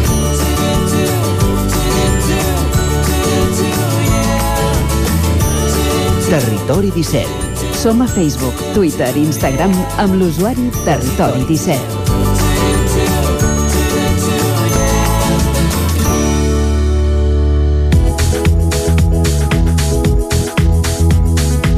Ara mateix falta un minut i mig per un quart eh, d'onze a la plantilla de Bosch eh, Sistemes de Frenado va iniciar aquest dimarts una vaga indefinida fins a finals d'aquest mes d'abril. És una vaga contra el tancament de la plantilla. L'empresa va comunicar la decisió de tancar la seva fàbrica de Lliçà d'Amunt, on fa aquests components de la indústria automobilística, ara fa uns mesos, a principis d'any. El grup alemany preveu transferir la producció d'aquests sistemes de fre convencionals que fan aquesta planta de Lliçà d'Amunt, d'aquestes instal·lacions ballesanes, a Breslau, a Polònia. Nosaltres anem ara cap a Ràdio Cardedeu, allà ens espera l'Òscar Muñoz. Bon dia, Òscar. Bon dia, Vicenç. Doncs sí, avui parlem amb l'Emili Castells, president del comitè i membre d'UGT. Bon dia, em, Emili. Hola, bon dia. En les darreres setmanes ens hem assabentat de que la, la planta Bosch em, tancaria o té intenció de tancar la planta de Lliçà Bon d'Amunt i aquesta setmana i aquesta setmana, la nit de dilluns, a la planta o sigui, va iniciar la vaga contra el tancament. Quina és la situació de la planta davant d'aquest tancament sense causa? A veure, eh, la situació... Eh, avui, estem, com vostè bé ha dit, estem de, de vaga. Eh, la previsió inicial és eh, fins al dia 30 i, òbviament, eh, eh, un acte reivindicatiu en contra del tancament d'aquesta multinacional alemana, que és la, la Bosch. Eh, una decisió que, eh, que entenem totalment injusta i no justificada perquè els seus números són positius i s'està aprofitant de, del tema de la reforma laboral per fer un tancament quan té números positius i aquesta planta, eh, els seus resultats han sigut positius. De fet, l'empresa el que argumenta com a causa del tancament d'aquesta planta de Lliçà és el poc volum de mercat del producte que fabriquen. El tancament eh, és la reestructuració que fa aquest grup val? en busca de, de baixar els costos, és a dir, preu, preu d'obra de mà d'obra més barat, eh, reestructura tota la seva organització a, a la passa cap a Polònia, eh, concentra allí tot, tot el que és el sistema de frenats, eh, que això implica els boosters convencionals, el tema electrònic, sensors i demés, i ho concentra tot allí i, i aprofita, ho aprofita per, eh, per mate, d'un tret mate dos, dos, dos, dos temes. Per un, se reorganitza, per l'altre, ajusta els costos, ajusta els costos portant-se eh, a, un, a un preu de, de mà d'obra més barat que és el de, el de Polònia. I s'aprofita de que la reforma laboral de l'estat espanyol doncs, permet els acomiadaments amb un baix cost. Correctament, sí senyor. Eh, està aprofitant això i entenem que una de les presses que té aquesta empresa eh, amb fer això és precisament eh, que no hi hagi eh, canvi amb el tema de la reforma laboral. Eh, un dels punts dins de la reforma laboral era una empresa no podia tancar amb beneficis uh -huh. i és el que està passant ara. Eh, di, ara esteu amb negociacions. Dimarts veu, vas, vas celebrar la tercera reunió no? amb, de, de la reunió de negociació de l'expedient de regulació d'ocupació, però vosaltres no demaneu això, sinó que eh, voleu altres vies de negociació. Quines són les vostres propostes? A veure, nosaltres el que volem és continuar treballant. Nosaltres no volem que l'empresa es tanqui. Eh, som 336 famílies que visquin de, de la nostra feina, d'aquesta planta, i el que volem és treballar. No volem negociar un, un tancament. Això no vol dir que al final tindrem que... Però és- nosaltres, el nostre objectiu eh, prioritari és eh, continuar treballant buscar alternatives, els que són el grup Bosch té alternatives, de fet a fàbrica a Madrid té més de 150 eventuals, ara té, té, té també eventuals, o sigui, eh, el BCCH, que és la, la línia blanca de fan neveres de Bosch, també té, uh -huh. té, eh, té molt personal, o sigui, hi ha sortides. El, el que passa que ells volen reestructurar-se i, i, i, el que, i volen treure de, del mercat. I nosaltres el que volem és feina. De fet, sense cap mirament. Som... Digue'm, digue'm. De fet, el que diuen vostès és que eh, ja s'han doncs, adaptat eh, algunes mesures de reducció de costos com congelacions eh, salarials, reduccions de salari... Sí. O sigui que Eh, portant sí. ja un, un temps, diguem, amb aquesta situació no?, de dificultats i de negociació Sí. amb l'empresa. És a dir, nosaltres vam vindre d'un conveni de 5 anys amb una congelació salarial, uh -huh. no? eh, després havíem fet eh, prèviament algunes eh, reestructuracions també al, al grup, vale? si hem, hem, eh, hem sigut capaços de prendre mesures de flexibilitat i d'ajust, entenent les dificultats de, de, de, de lo que és el mercat, eh, i per això enteníem que podíem continuar treballant perquè eh, entenem que el mercat de l'automòbil és molt competitiu, però el que no esperàvem en cap moment és un, un tancament. Eh, I això és el que no, no, no entenem i entenem eh, que podem eh, continuar dins del grup o hauríem poder estar dins del grup, el grup eh, Boix eh, en aquest cas. Eh, això vol dir que estarien disposats a traslladar-se a altres plantes o que en aquesta planta de Lliçà s'hi podrien fabricar també altres components, segons el seu Correcte. criteri? Uh -huh. podrien fabricar-se altres, eh, altres components, altres, o sigui, hi ha alternatives, fa falta que el grup vulgui. Uh -huh. Eh, aquesta multinacional té moltes fàbriques a nivell mundial i, i, i entenem que, que, que hi té molts productes i alguns dels productes nosaltres podríem mm, fer. És qüestió de voluntats de les parts. Eh, I entenem, entenem que per això estem volem que aquesta multinacional pues, eh, aposti o que, que, que, que no, ens, no ens tiri al carrer, sinó que doni unes alternatives possibles. Uh -huh. De fet, aquesta voluntat de tancament no només afecta a Lliçà, sinó que ja s'ha fet efectiva una altra planta que té l'empresa a Castellet i la Gornal, a l'Alt Penedès, on es fabricaven doncs, eh, components de neteja per a brises, no? Correcte. Sí, sí, eh, lamentablement és així i entenem que és una, eh, forma part de la seva estratègia de reestructuració a nivell global i sí, eh, aquí a Catalunya entre Castellet i nosaltres pues, afecta eh, a, a 600, més de 600 treballadors de manera directa i indirecta eh, pues, po- podríem parlar vora de més de 1.000, 1.000 persones, 1.000 treballadors eh, en- entre, entre subcontrates, etc etc etc. Un miler de treballadors, dels quals 336 són de la planta de Lliçà. I, i 300 de la, de la planta de Castellet. Uh -huh. Eh, Perquè aquesta situació e- és conseqüència de la crisi al sector de l'automòbil o l'empresa aprofita el context actual per això que dèiem, la, una voluntat doncs, de, de retallar costos. nosaltres entenem que aprofiten la situació. Mm. Eh, eh, aprofiten la vinentesa, eh, que és, com diuen que el Pisuerga passa per Valladolid per, per fer les seves reestructuracions, però amb tan mala fe que inclús en plena pandèmia aquest grup eh, fa, fa això. O sigui, nosaltres, o sigui és, eh, no, no ens esperàvem nosaltres eh, una reacció de- d'aquest tipus. Eh, ens ha sorprès, lamentablement ens ha sorprès. Uh -huh. En aquesta línia, els ajuntaments de la zona, com els de Granollers, de Montmeló, de Mollet, doncs, han aprovat mocions contra el tancament de la planta i el govern de la Generalitat es va comprometre a reindustrialitzar aquesta planta si al final no fos possible doncs, revertir el tancament. Us sentiu recolzats per les institucions? Creieu que aquest suport que esteu rebent és suficient? A veure, hem tingut, vam tindre primeres converses amb les institucions a nivell de Generalitat. Ara estem uh -huh. pendents de ja parlar seriosament del tema de reindustrialització, val? Uh -huh. i estem pendents d'aquestes reunions.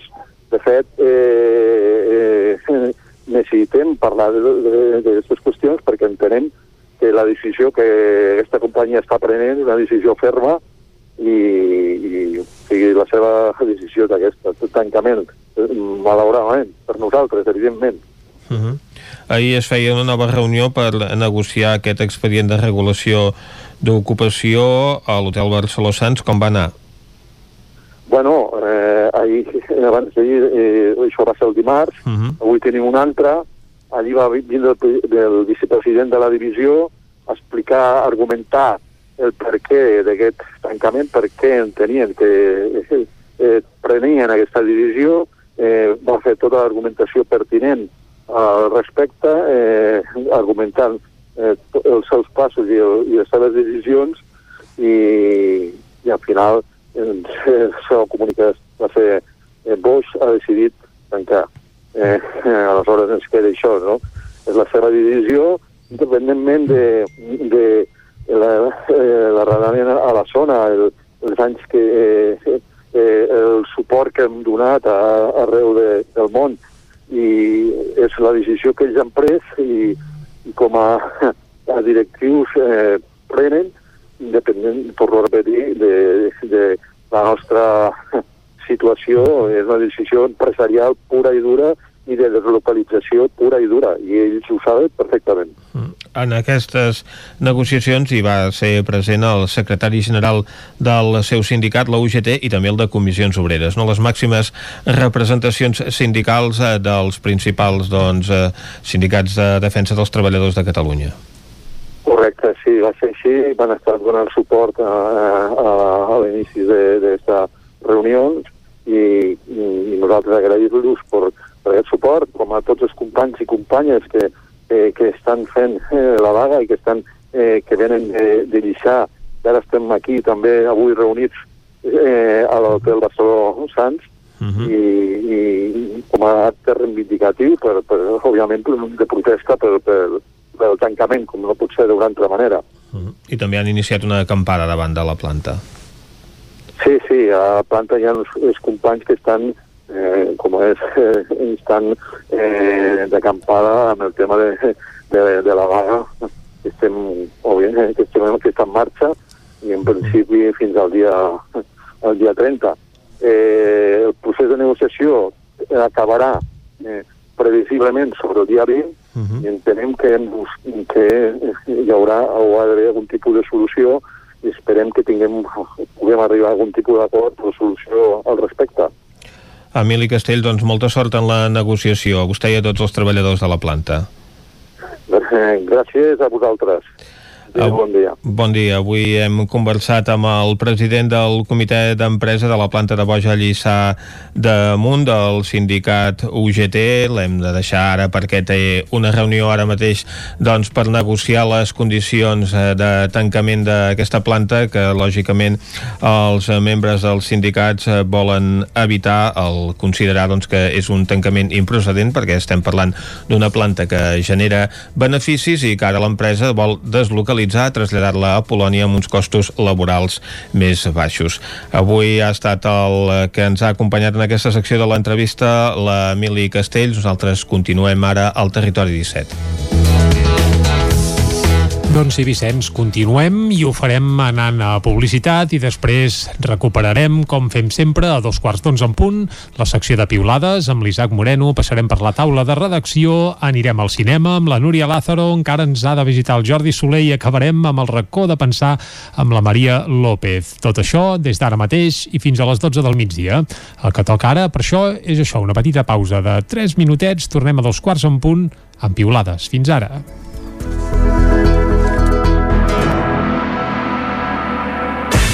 El nou FM, la ràdio de casa, al 92.8. A Aquari Jordi hi trobaràs periquitos, canaris i tot tipus d'ocells, conills, hàmster, ratolins, rates índies, peixos tropicals i molt més. Aquaris, tortugues, joguines i tots els complements i menjars per tot tipus d'animals. Vine a informar-te de totes les nostres ofertes. Aquari Jordi som al carrer Nou número 34 de Vic i també a Instagram. Vols gaudir d'un bon arròs a casa sense no haver d'embrutar ni preocupar-te per res? La Fogonera, paelles per emportar. Un seguit de paelles, tapes, platets i postres casolans pensats per a paladars exigents. Ara més, fem menús per a petits grups de comensals. La Fogonera, la rosseria de paelles per emportar a GURB i que també et portem a casa. Telèfon 93 851 55 75 i a lafogonera.cat. I quan cau la nit, Pupurri Culinari, solucions per sopar les nits de divendres i dissabte. Entra a pupurriculinari.cat i tria. Cocodril Club. Si t'agrada la bona música dels anys 60, 70 i 80, escolta el 9 FM els matins de dissabtes i diumenges d'11 a 1. És el temps del Cocodril Club, tot un clàssic de la ràdio, amb les bases del pop-rock, les llegendes, les cançons que s'han convertit en autèntics himnes. Recorda, dissabtes i diumenges al matí, d'11 a 1, al 9 FM 92.8. Cocodril Club, el programa revival de l'Albert Malla. Hasta luego, cocodrilo. Pintures Xevi Soler. Tot en pintures. Façanes, obra nova, rehabilitacions interiors de vivenda, estucs, microciments, pintura industrial, motllures, terres vinílics... Pintures Xevi Soler. Ens agrada assessorar-vos i fer de casa vostra el millor lloc del món. Ens trobareu a Manlleu, al carrer Sogorb 113, telèfon 616 15 87 33 o 93 851 3504. Vine a Autoscola Montseny i t'informarem de les nostres ofertes. Permís de moto 16 anys amb 4 pràctiques des de 399 euros. Permís de moto 18 anys amb 4 pràctiques des de 425 euros. Permís de cotxe amb 10 pràctiques des de 460 euros. I si vens amb un amic, et regalem una pràctica. Per més informació, Autoscola Montseny, a la Rambla de Vallades 13, primer segona de Vic, al telèfon 93 885 45 88 i també a Facebook i Instagram. Hi ha sensacions que són úniques. Aquell bany relaxant, mirar per la finestra quan plou i com les calderes Bailand, que li ofereixen fins a 15 anys de cobertura total amb el servei tècnic oficial Bailand. Informis a Oficiat Nord trucant al 93 886 0040. Amb el servei tècnic oficial de Bailand, la seva caldera estarà en les millors mans. El 9 FM, el 9 FM, el 9 FM, el 9 FM.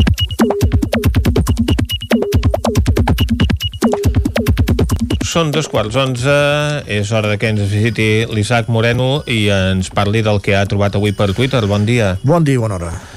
Cosetes diverses. Cosetes diverses, doncs eh, comencem el repàs. Albert Cuesta diu Algú m'explica què hi ha darrere els atacs i el menyspreu que està rebent la nova identitat digital del Consell per la República? I el mateix Cuesta, veient la llau de respostes, eh, re, eh, eh, retuita i, i cita, eh, i se cita ell mateix, diu Deixant de banda que tothom ignora el component digital de la proposta, que era el meu tema d'interès, si l'estat real de l'independentisme és el que és eh, el que es desprèn de les respostes a aquest tuit, n'hi ha per apretar a córrer. En tot cas, gràcies a tothom per participar. Uh -huh. Pots imaginar el, el nivell de les respostes, doncs, no? Aquesta última resposta. També sobre el tema piulava Albert Pereira, que diu no sóc de, el, del Consell per la República ni m'he fet la targeta d'identitat digital, que no crec que de moment serveixi per anar desconnectant d'Espanya. Però em venen ganes, me'n venen ganes només de veure les befes dels erquis del Twitter, tan clarament orquestrades, tan sectàries. I li respon en Jordi Anento des de Vic, diu la República d'Estònia va començar el 1989 amb un comitè de ciutadans, equivalent al Consell per la República, i amb un carnet amb número d'identificador nacional, i això els ha fet servei en el moment clau i sembla que els va anar prou bé. En fi, debat a banda, obrim pàgina de vacunació, uh -huh. el 324 titulava i la nit última hora se suspèn la vacunació amb AstraZeneca per sota dels 60 anys i la Cristina Herrera des de Gurb que diu ara sí que tinc la sensació que no em vacunaran mai 54 anys i sóc en terra de ningú Bé, en tot cas eh, la vaccinaran eh, amb una que no generi sospites de que pugui provocar efectes secundaris, no? Això s'hi arriba. Segur que sí. No Jofre. És com la justícia, això, ah. de, dels vaccins tard, però arriben. O no, bueno, en fi. Jofre Verdolet, no sé, volia dir que el símil de la justícia no sé si és el més apropiat. Jofre Verdolet, el meu mòbil ja ha entrat a l'etapa aquella que fins ara... que fins que no obro el WhatsApp no veig els missatges nous. Això vol dir que ja si algú pilla el missatge que l'ha de canviar tu. Uh -huh. Anna Pont, la becaineta després de dinar és de rigor mortis. Ja està, xista. Va. Jordi Ramolins, obrim la pàgina lingüística. Dilluns passat, dimarts passat, dimecres passat, dijous passat, divendres passat, dissabte passat, diumenge passat. Deixeu-me ser pesat, però el Ripollès, després d'anys de monopoli d'un mitjà de pseudocomunicació subvencionadíssim, hem acabat parlant amb el cul, el passat diumenge. Entenc, no, no només el passat diumenge, sinó cada dia hauríem, deuen parlar així. En fi. Uh, també ens ha fet gràcia un altre ripollès que es fixa en un altre debat lingüístic de l'usuari Tabatresí. És molt divertit aquest. Yep. Tabatresí que diu Scarlett Johansson.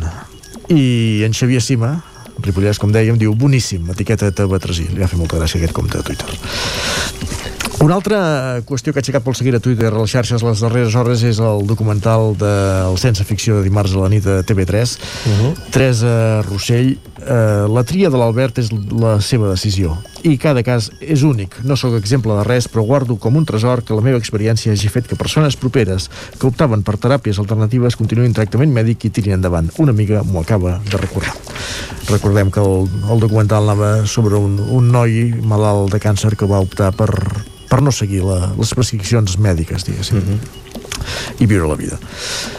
Uh, Josep Lluís García es fixa en un tuit de Toni Cantó. Diu, los republicanos fusilaron a 2.500 prisioneros en Paracuellos. Este odio guerra civilista que era algo ya olvidado está hoy más presente que nunca. Hace un rato en Vallecas, de Cantó. Y en García que responde, republicanos, fusilar, prisioneros, Paracuellos, odio, guerra civil él lo tenía olvidado y lo habéis hecho y lo habéis hecho recordar. Villanos.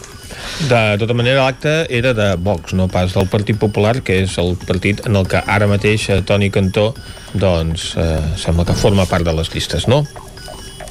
Jo a vegades ja arribo a un punt que no veig diferències. Bé, eh, és el que passa amb aquests actors eh, ficats a polítics. Molt bé.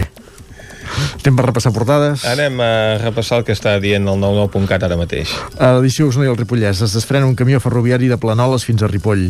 Un ferit en un xoc entre dos vehicles a Vic aquest matí. Um, mor Ramon Pietx de l'històric bar Can de Torelló o tres nous rescats de muntanya a Osona i el Ripollès. Ràpidament carreguem l'edició del Vallès Oriental, que a aquesta hora ens explica pugen els pacients ingressats amb la Covid-19 als hospitals ballesans. Les franqueses encarrega un pla director per al Parc del Falgam i el percentatge de positius de Covid puja al 7% de les seves proves fetes.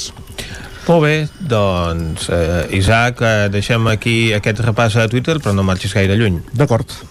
Anem ara a la taula de redacció. Territori 17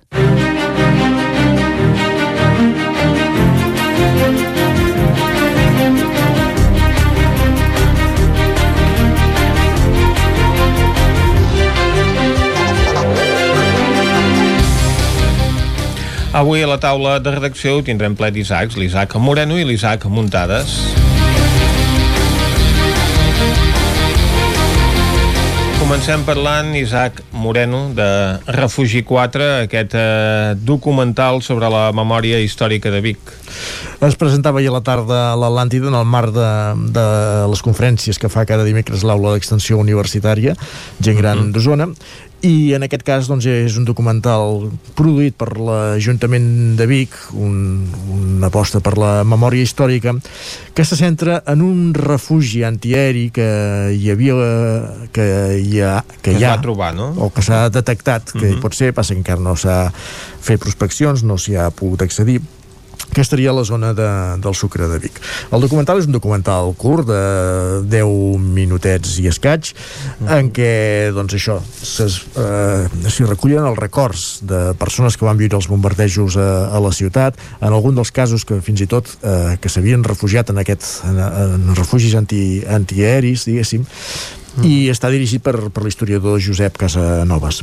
Uh -huh. uh, el documental explica això val la pena molt destacar d'aquest documental doncs, tot el que són les imatges de, en 3D de recreació que, que han fet des del Centre d'Arts Visuals de Vic la, la Farinera, diguéssim uh -huh. on, on es veu com, com podia ser aquest refugi antieri de, del sucre, diguéssim s'ha fet a, a partir de de les troballes dels suposats accessos que hi hauria en aquest refugi i de com d'altres refugis que sí que estan sencers i que es poden visitar aquí a la comarca mateix doncs, a partir d'aquestes fonts doncs, s'ha doncs, fet una recreació de com podia ser aquest, aquest refugi antiaeri de, del Sucre, el refugi 4 diguéssim, que centra aquest, aquest reportatge, aquest documental. El documental, com dèiem, es va presentar ahir en el marc de l'aula d'extensió universitària, es va projectar el documental i acte seguit doncs, es va es va fer un petit col·loqui entre el mateix Casanovas, que és el, el director, que, que va explicar una mica la història dels bombardejos a, a la ciutat de Vic, i també va comptar doncs, amb, amb representants de, de la farinera, com dèiem, que és qui ha fet aquesta recreació en 3D, uh -huh. del realitzador de, de l'audiovisual, que va ser qui va trobar aquest suposat accés al, al, al, al, refugi. al refugi, que és l'Albert Baguem, i també d'una testimoni, d'una veu d'un testimoni que, que apareix al documental d'una noia que, de, de Vic, eh, que havia l'Aina Mat, perdó, que havia, sempre havia sentit parlar a casa seu que, que havien perdut un, un familiar eh, i que del que no s'havia sabut res més i que a partir de, de les experiències de memòria històrica doncs sembla ser que, que l'han que l'han recuperat que han, que han pogut trobar aquesta persona que havia mort eh, en els bombardejos i que, que, és, que està enterrada eh, a Barcelona, al cementiri de Montjuïc. En fi, eh, l'acte va, va ser això i també va servir per presentar diguéssim o coincidir amb aquest documental des de l'Ajuntament s'han organitzat un seguit de, de visites guiades, evidentment no al refugi, perquè, com dèiem, encara no, no s'hi ha pogut accedir, no, no se'n desconeix ara mateix l'estat i no, no s'hi pot accedir encara, però eh, sí eh, fer un recorregut, diguéssim, pel que van ser els, els bombardejos a la ciutat de Vic, uh -huh. eh, a càrrec del mateix, del mateix Josep Casnoves. Aquestes visites guiades es faran els diumenges 11 i 18 d'abril a les 12 del migdia, partint de l'oficina de turisme de Vic, i cal, evidentment, inscripció prèvia. El recorregut també inclou eh, la visualització d'aquest documental que de fet ja es pot veure eh, al YouTube, al canal de YouTube de, de l'Ajuntament de Vic. Mm, doncs tothom qui estigui interessat el que pot fer és recórrer a aquest canal de YouTube de l'Ajuntament de Vic i visualitzar aquest documental sobre la memòria històrica de la ciutat en l'època de la Guerra Civil. Moltes gràcies, Isaac. Vinga, que bon dia. Nosaltres canviem de temàtica i canviem eh, de capital. Anem de Vic cap a Ripoll, perquè ahir a Ripoll es van dur un bon ensurt quan van veure baixar per la via doncs, un ferrocamió de les obres del túnel de Toses que s'havia desfrenat i pel pendent doncs, anava circulant per la R3, afortunadament sense causar danys. Un miracle, Isaac Muntades. Bon dia, Vicenç. Doncs sí, afortunadament, un, un miracle, com tu comentes, perquè des de Planoles, que és on es va desfrenar el camió doncs, que estava eh, fent aquests eh, treballs eh, en el túnel de Toses fins a Ripoll, i tenim 20 quilòmetres, uh mhm. -huh. una mica més fins i tot, per tant realment va ser un miracle que no passés res, que no hi hagués ni, ni danys personals, ni ferits, ni, ni danys materials, que això també doncs, eh, podria haver passat. Eh, en aquest cas això va passar ahir a la tarda i evidentment a la que es va saber que s'havia desfrenat doncs, aquest uh, ferrocamió el que van fer doncs, l'empresa que, que treballava allà era avisar DIF immediatament perquè uh mhm. -huh. s'activessin doncs, tots els protocols de fet en aquell moment a Ripoll per exemple havia acabat d'arribar un tren que havia d'anar fins a Ribes de Freser després ja sabeu que també hi ha, hi ha el tema de, de les obres, com comentant, que precisament hi treballar aquest ferrocamió, que, que hi ha d'haver uh, circulació mm. alternativa per, per carretera, mm. doncs uh, la circulació alternativa per carretera en aquest cas es va ampliar perquè evidentment doncs, uh, aquest uh, tren no va poder anar cap amunt perquè evidentment venia aquest ferrocamió com tu deies, per, per la pendent, que per això doncs, va acabant-se frenant a, a, a Ripoll, i, i es va evitar doncs, un, un mal major perquè evidentment si hagués hagut un comboi circulant o no s'hagués pogut avisar a temps doncs uh, estaríem parlant ara mateix d'una col·lisió que, que evidentment doncs, hagués pogut ser catastròfica. Per I tant. no, sí, sí, no, no es va haver de, de lamentar res uh, i, i realment ja hi ha hagut queixes de, dels principals polítics d'aquí de, de la comarca de, uh -huh. eh, eh, s'ha vist una mica a les xarxes socials el, el president del Consell Comarcal Joaquim Colomer que ja demanava responsabilitats i que culpava doncs, a, a DIF eh, és curiosa també aquesta relació d'amor-odi entre Ripoll i Adif perquè ara doncs, ja us ho explicava també ahir a la secció de l'R3 i aquests dies que s'han han firmat un conveni de superació de, de passos a nivell precisament i últimament sembla que algunes uh, obres a, a Ripoll estan, estan anant millor i de cop i volta doncs, passa això, no? que, doncs, mm -hmm. que, que passin uh, aquestes coses. També es van queixar doncs, les alcaldesses de, de Can de Bànol i, i Ribes de Freser, que és per on va passar doncs, aquest uh, uh -huh. ferrocamió, per sort uh, una de les altres coses que, que va anar bé és que els sensors d'aquests passos a nivell uh -huh. que passaven pels pobles doncs, van baixar tots automàticament, per tant ja no va poder passar cap vehicle i es va evitar doncs, uh, aquest xoc perquè evidentment doncs, eh, eh, aquest eh, vehicle va passar per passos a nivell molt concorreguts com el de la carretera Clar. de Gombreny de Can de Bànol o, sí. o el del túnel del passeig Regull de Ripoll, no?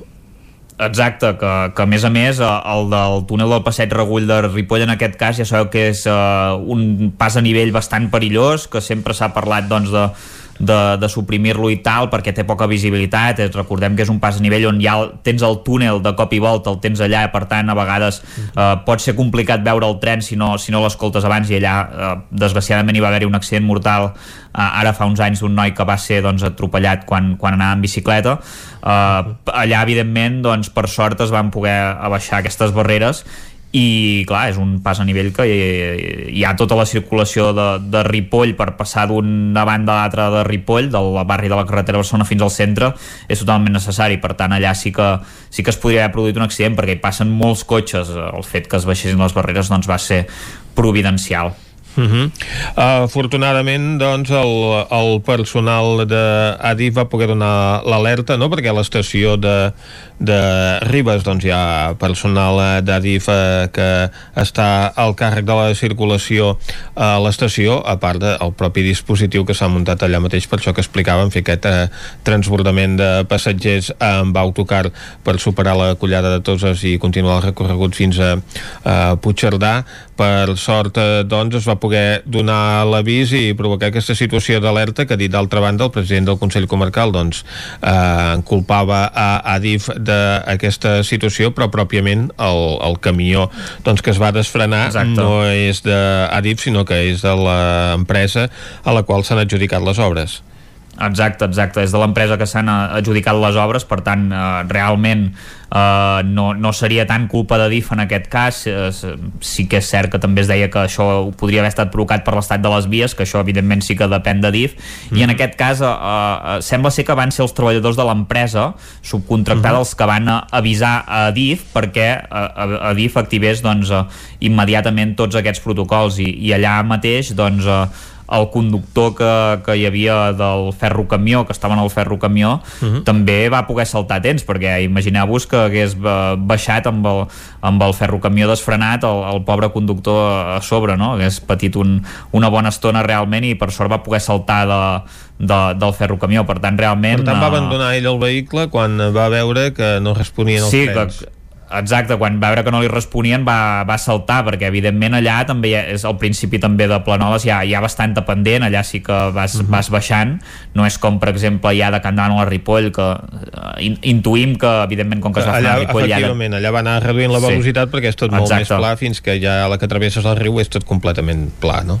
Exacte, exacte, uh -huh. va ser això és, és, una, és una sort i de fet l'R3 ja estem acostumats a parlar-ne una mica de les desgràcies i, i ara a veure si amb, amb el túnel de Tosa s'acaba aviat les obres, sembla que que ahir ens ho comentaves tu mateix Vicenç que, mm-hmm. que hi havia alguna bona notícia en aquest sentit i esperem que, que es puguin acabar el més aviat possible i això no, no torni a succeir.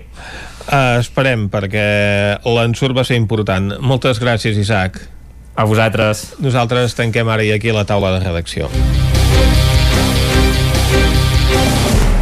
Territori 17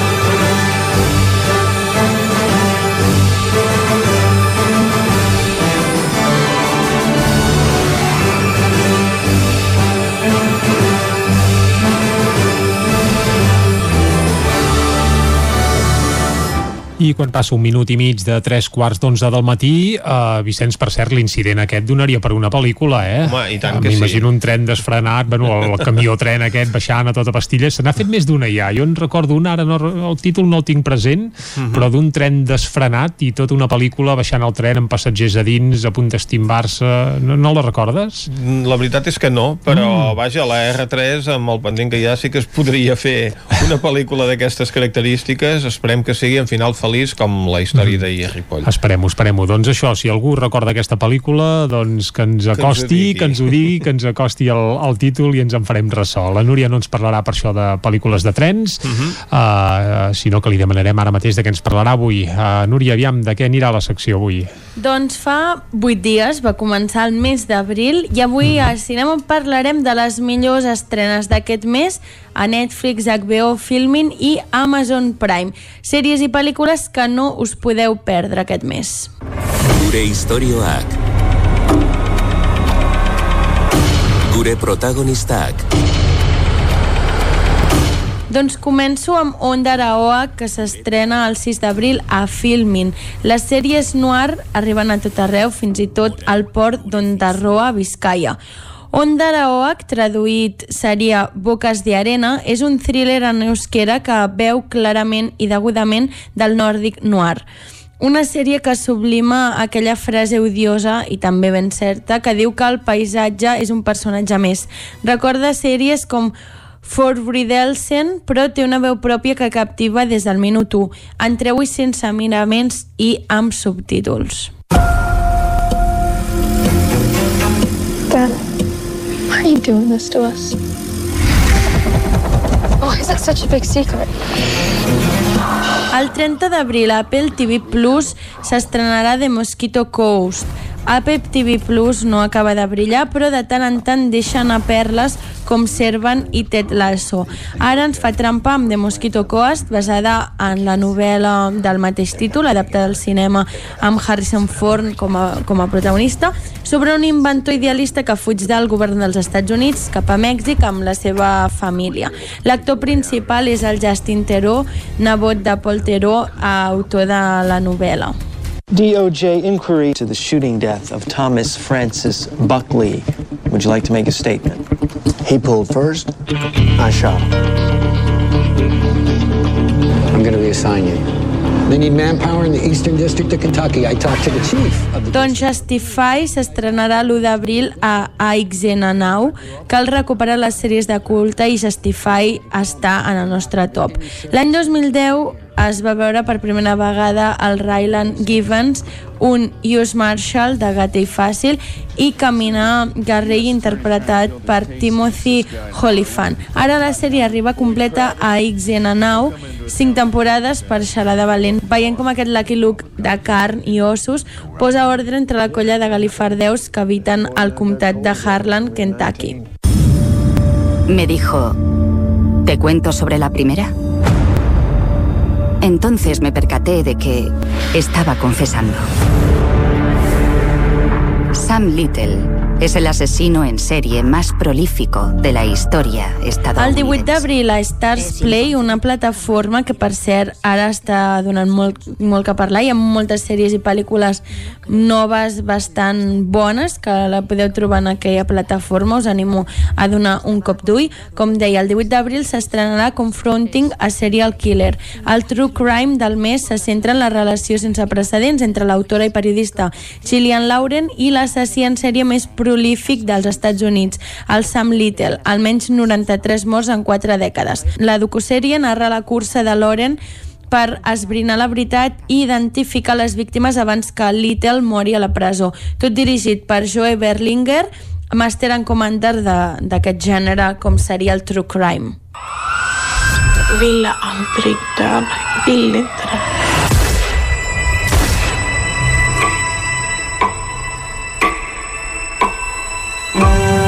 Reza, obedece i mata. S'estrena el 4 d'abril a HBO. El True Crime és, sens dubte, com he dit abans, un dels gèneres de moda i HBO n'és conscient. Després d'èxits com The Ginge, la plataforma torna amb una minissèrie documental que farà parlar, dirigida per Henrik Georgion. Aquesta minissèrie investiga l'assassinat l'any 2014 d'una jove a Knutby, un petit poble de Suècia. Un cas que va sacsejar la societat del país i va captar l'atenció internacional.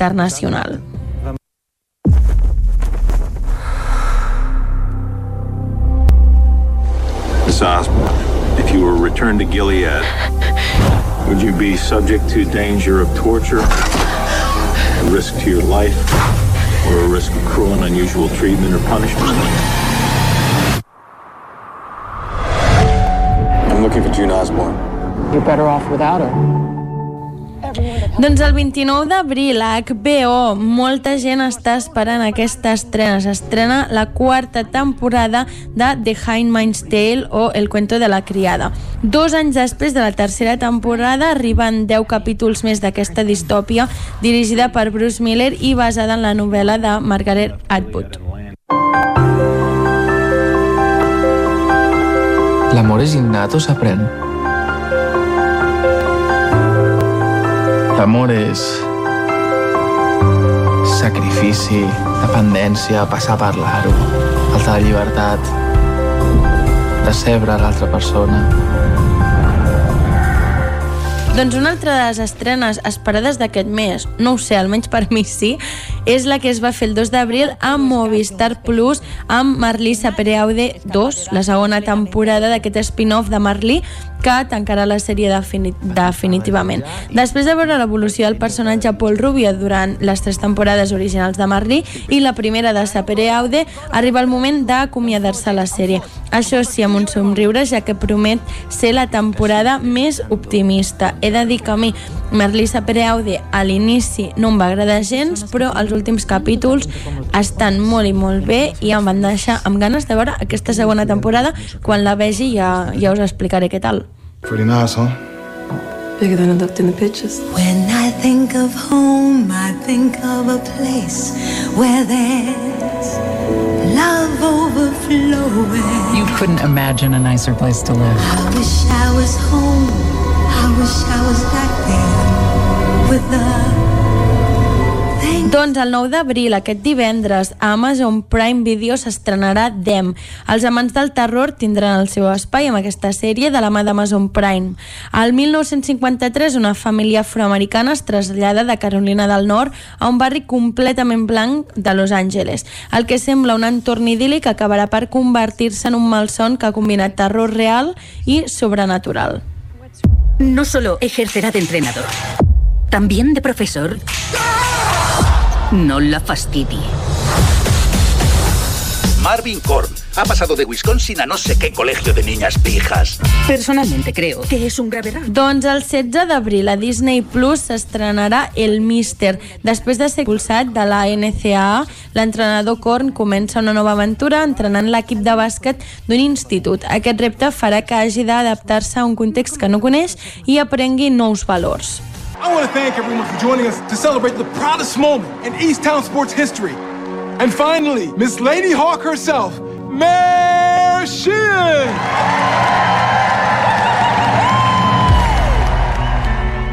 El 19 d'abril HBO Espanya s'estrenarà Mayor of Its Town, una minissèrie carregada de drama i misteri. La detectiu Mer Sheehan haurà d'investigar un assassinat a una petita ciutat de Pensilvània. Mentrestant haurà d'enfrontar-se amb la seva turbulenta situació personal i evitar que influeixi en la investigació. No,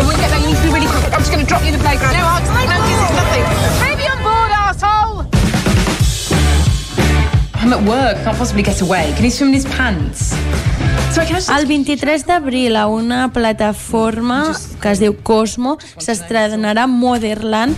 Aquesta va dedicada a les mares i als pares. És una sitcom britànica que reflexiona sobre la maternitat en l'actualitat. Narra la història d'un grup de pares i mares que haurà de sobreviure a les dificultats que suposa mantenir l'equilibri entre el treball, la família i les cures personals a una societat tan competitiva com és l'actual.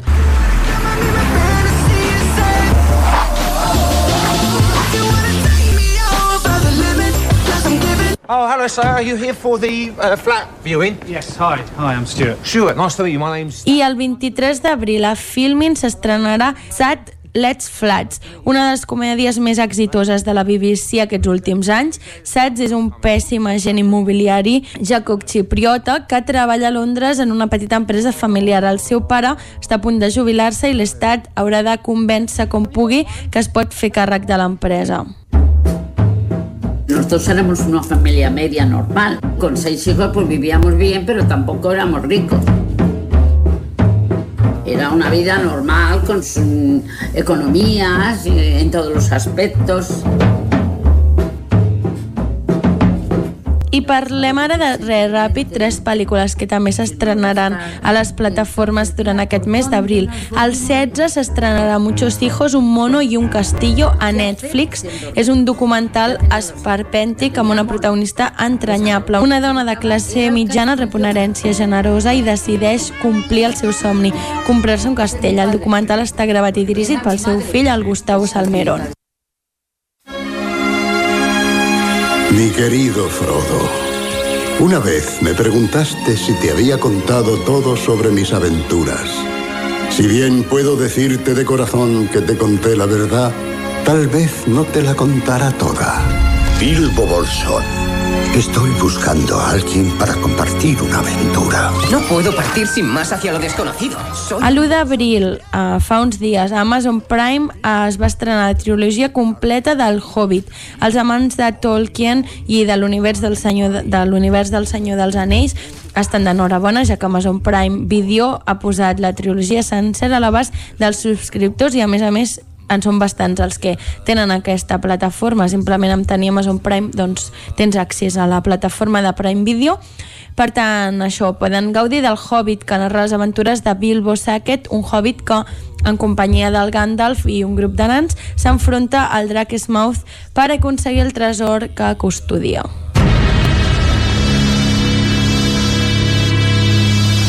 tennis.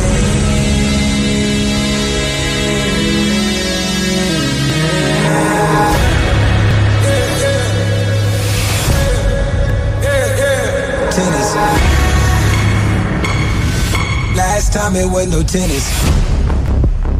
Doncs el 23 d'abril, Sant Jordi, a Movistar Plus s'estrenarà o s'afegirà, més ben dit, Tenet, que és l'última pel·lícula de Christopher Nolan, una pel·lícula d'acció i espionatge on els viatges temporals marquen la trama i el protagonista haurà de salvar el món. Pel·lícula que jo vaig veure al cinema, em va agradar moltíssim, seguint la línia de Christopher Nolan, com ja l'hem vist, per exemple, a Origen o altres de les seves pel·lícules. Eh, pel·lícula per reflexionar, cadascú haurà tret les seves conclusions de, de la pel·lícula, però està molt i molt bé.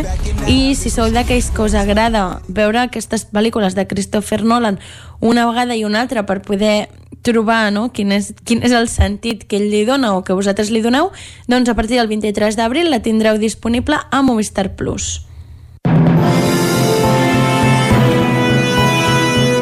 No t'ho perdis. Estrenes de la setmana.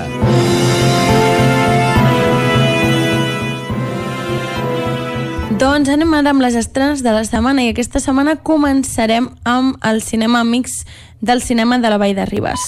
Doncs parem, parlem de l'òpera Falstaff que s'estrenarà aquest dissabte a les 7 de la tarda. Eh, el polèmic i provocador director garanteix a les sorprenents produccions l'atenció del públic. La seva aventura més recent és una posada en escena de l'òpera còmica Falstaff de Verdi que Vieto inter reinterpreta com una sàtira apocalíptica sobre l'entreteniment i l'escenari prototip de la societat moderna aquest dissabte, 10 d'abril a les 7 de la tarda al Cinema Catalunya de Vall de Ribes. Tú lo conocías, ¿no? Tuviste un pálpito. Pero no hiciste caso. Deberías haber escuchado ese pálpito. Como yo te estoy escuchando ahora. Puedes hablar conmigo. Soy el único amigo que tienes. No te tienen en alta estima en el departamento. Las cosas habrán cambiado mucho desde que te fuiste. Le tenéis que coger, ¿no? Sí. Ah, entonces no han cambiado tanto. El casal Camprodoní aquest cap de setmana, dissabte i diumenge, en una sessió de tarda a les 5 i una sessió de nit a les 8, tindreu pequeños detalles. Un, un xèrif i un detectiu d'homicidis han de col·laborar junts per intentar caçar a un astut assassí en sèrie. Es nuestra única oportunidad.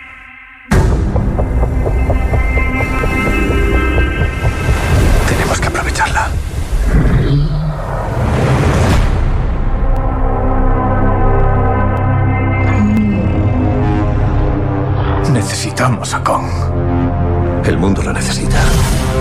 para evitar lo que se... Doncs el cinema Contal de Ripoll aquest cap de setmana, pel·lícula de la que se n'està parlant molt ara, Gorilla vs Kong, Godzilla i Kong, dues de les forces més poderoses d'un planeta habitat per tot tipus de aterridores criatures s'enfronten en un espectacular combat que sacseja els fonaments de la humanitat. Monarch s'embarca en una missió del risc i posa rumb cap a territoris inexplorats per descobrir els orígens d'aquests dos titans, en un últim esforç per intentar salvar dues bèsties que semblen tenir les hores comptades sobre la faç de la Terra.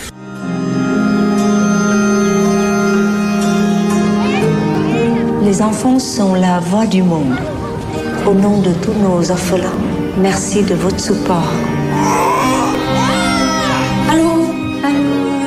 Aquesta setmana acabo amb el cinema a Esbarjo. El cinema Sucre encara no ha publicat les seves estrenes, però podeu fer un cop d'ull a la seva pàgina web i trobareu totes les estrenes segur que faran demà i si no totes les pel·lícules que també estan projectant durant aquestes setmanes. Com deia, el cinema Esbarjo de Cardedeu aquest cap de setmana, des de demà a divendres i fins diumenge, s'estrenarà 14 dies i 12 noches. La Clara, la filla adolescent i adoptada de l'Isabel, mor en un tràgic accident un any després i encara trasbalsada per l'experiència. Per l'experiència, l'Isabel torna a l'orfenat vietnamita amb l'esperança de connectar emocionalment amb la seva filla a la seva terra natal. Immersa i aclaparada, inesperadament es troba amb la mare biològica de la seva filla i juntes intenten seguir endavant.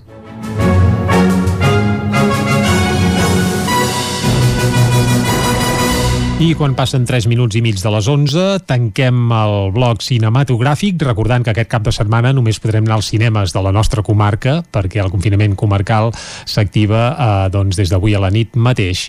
I ara el que ens toca és acostar-vos de nou l'actualitat de casa nostra, de les comarques del Ripollès, Osona, el Moianès i el Vallès Oriental. Territori 17, amb Vicenç Vigues i Jordi Sunyer.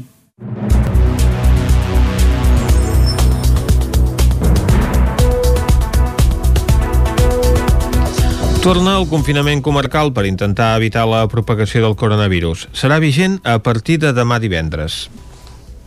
El Procicat ha decidit fer marxa enrere i ja no permetrà que les bombolles de convivència puguin sortir de la comarca, una excepció en les restriccions que havia estat vigent des del passat 15 de març.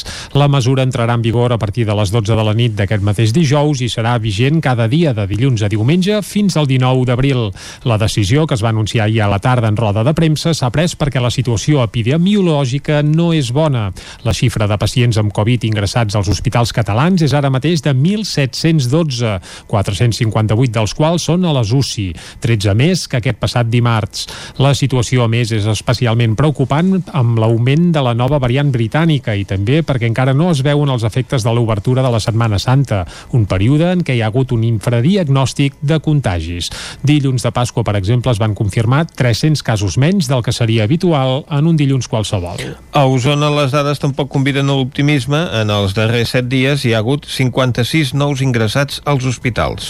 Als hospitals d'Osona ara mateix hi ha 110 persones ingressades per Covid-19. Segons l'últim balanç del Consorci Hospitalari de Vic, en l'última setmana s'han registrat 56 nous ingressos. 82 persones estan hospitalitzades ara mateix a l'Hospital Universitari de Vic, de les quals 21, ai, 22, volem dir, requereixen cures intensives. La quantitat de pacients ingressats amb Covid-19 ha augmentat un 50% respecte a la setmana passada en aquest centre. A l'Hospital de la Santa Creu, també de Vic, hi ha 23 pacients ingressats amb resultat positiu i a l'Hospital Sant Jaume de Manlleu, que fins a finals de març havia estat lliure de Covid, ara mateix hi ha 5 pacients ingressats. Pel que fa a les dades del Departament de Salut, els casos de coronavirus a Osona des de l'inici de la pandèmia superen ja els 17.600 i les defuncions arriben a les 643, 7 més que fa una setmana. A l'altra cara de la moneda hi ha la vacunació, que amb l'arribada de més dosis està avançant a bon ritme a Osona. Actualment s'estan administrant dosis d'AstraZeneca al recinte firal del Sucre de Vic, les de Pfizer als centres d'atenció primària i la de Moderna als hospitals. Des de dilluns i fins ahir dimecres, un total de 1.500 persones d'entre 60 i 65 anys i algun professional essencial que encara no s'havia vacunat han rebut la vacuna d'AstraZeneca al recinte firal del Sucre de Vic. Les cites són limitades a la, a la disponibilitat de les vacunes, però el personal sanitari continua entregat a la tasca, ho explica la directora del Servei d'Atenció Primària d'Osona, Anna Moreta. Nosaltres ens encantaria vacunar a tothom ja. Si, si tinguéssim moltes, moltes vacunes, vacunaríem a tothom molt de pressa. Vull dir, ja sabeu que hem estat vacunant a tota la Catalunya central, no només a Osona, per Setmana Santa, dies festius, i la veritat és que els professionals, tot i que estan cansats, tenen moltíssimes ganes de tirar endavant aquesta campanya i estan treballant, però al 100%. La vacunació per Covid-19 requereix d'una gran coordinació del sistema sanitari, però la gent es mostra molt agraïda, ens ho explica Anna Moreta. És una feina, la veritat, molt gratificant, perquè la gent ve molt contenta, moltes ganes de vacunar-se i molt agraïts. La gent està molt agraïda. La població molt contenta i els professionals molt contents de poder vacunar. Les xifres de persones vacunades tant a Osona com a tot Catalunya continuen augmentant i la previsió és que hi hagi grups d'edat completament vacunats aquesta mateixa setmana.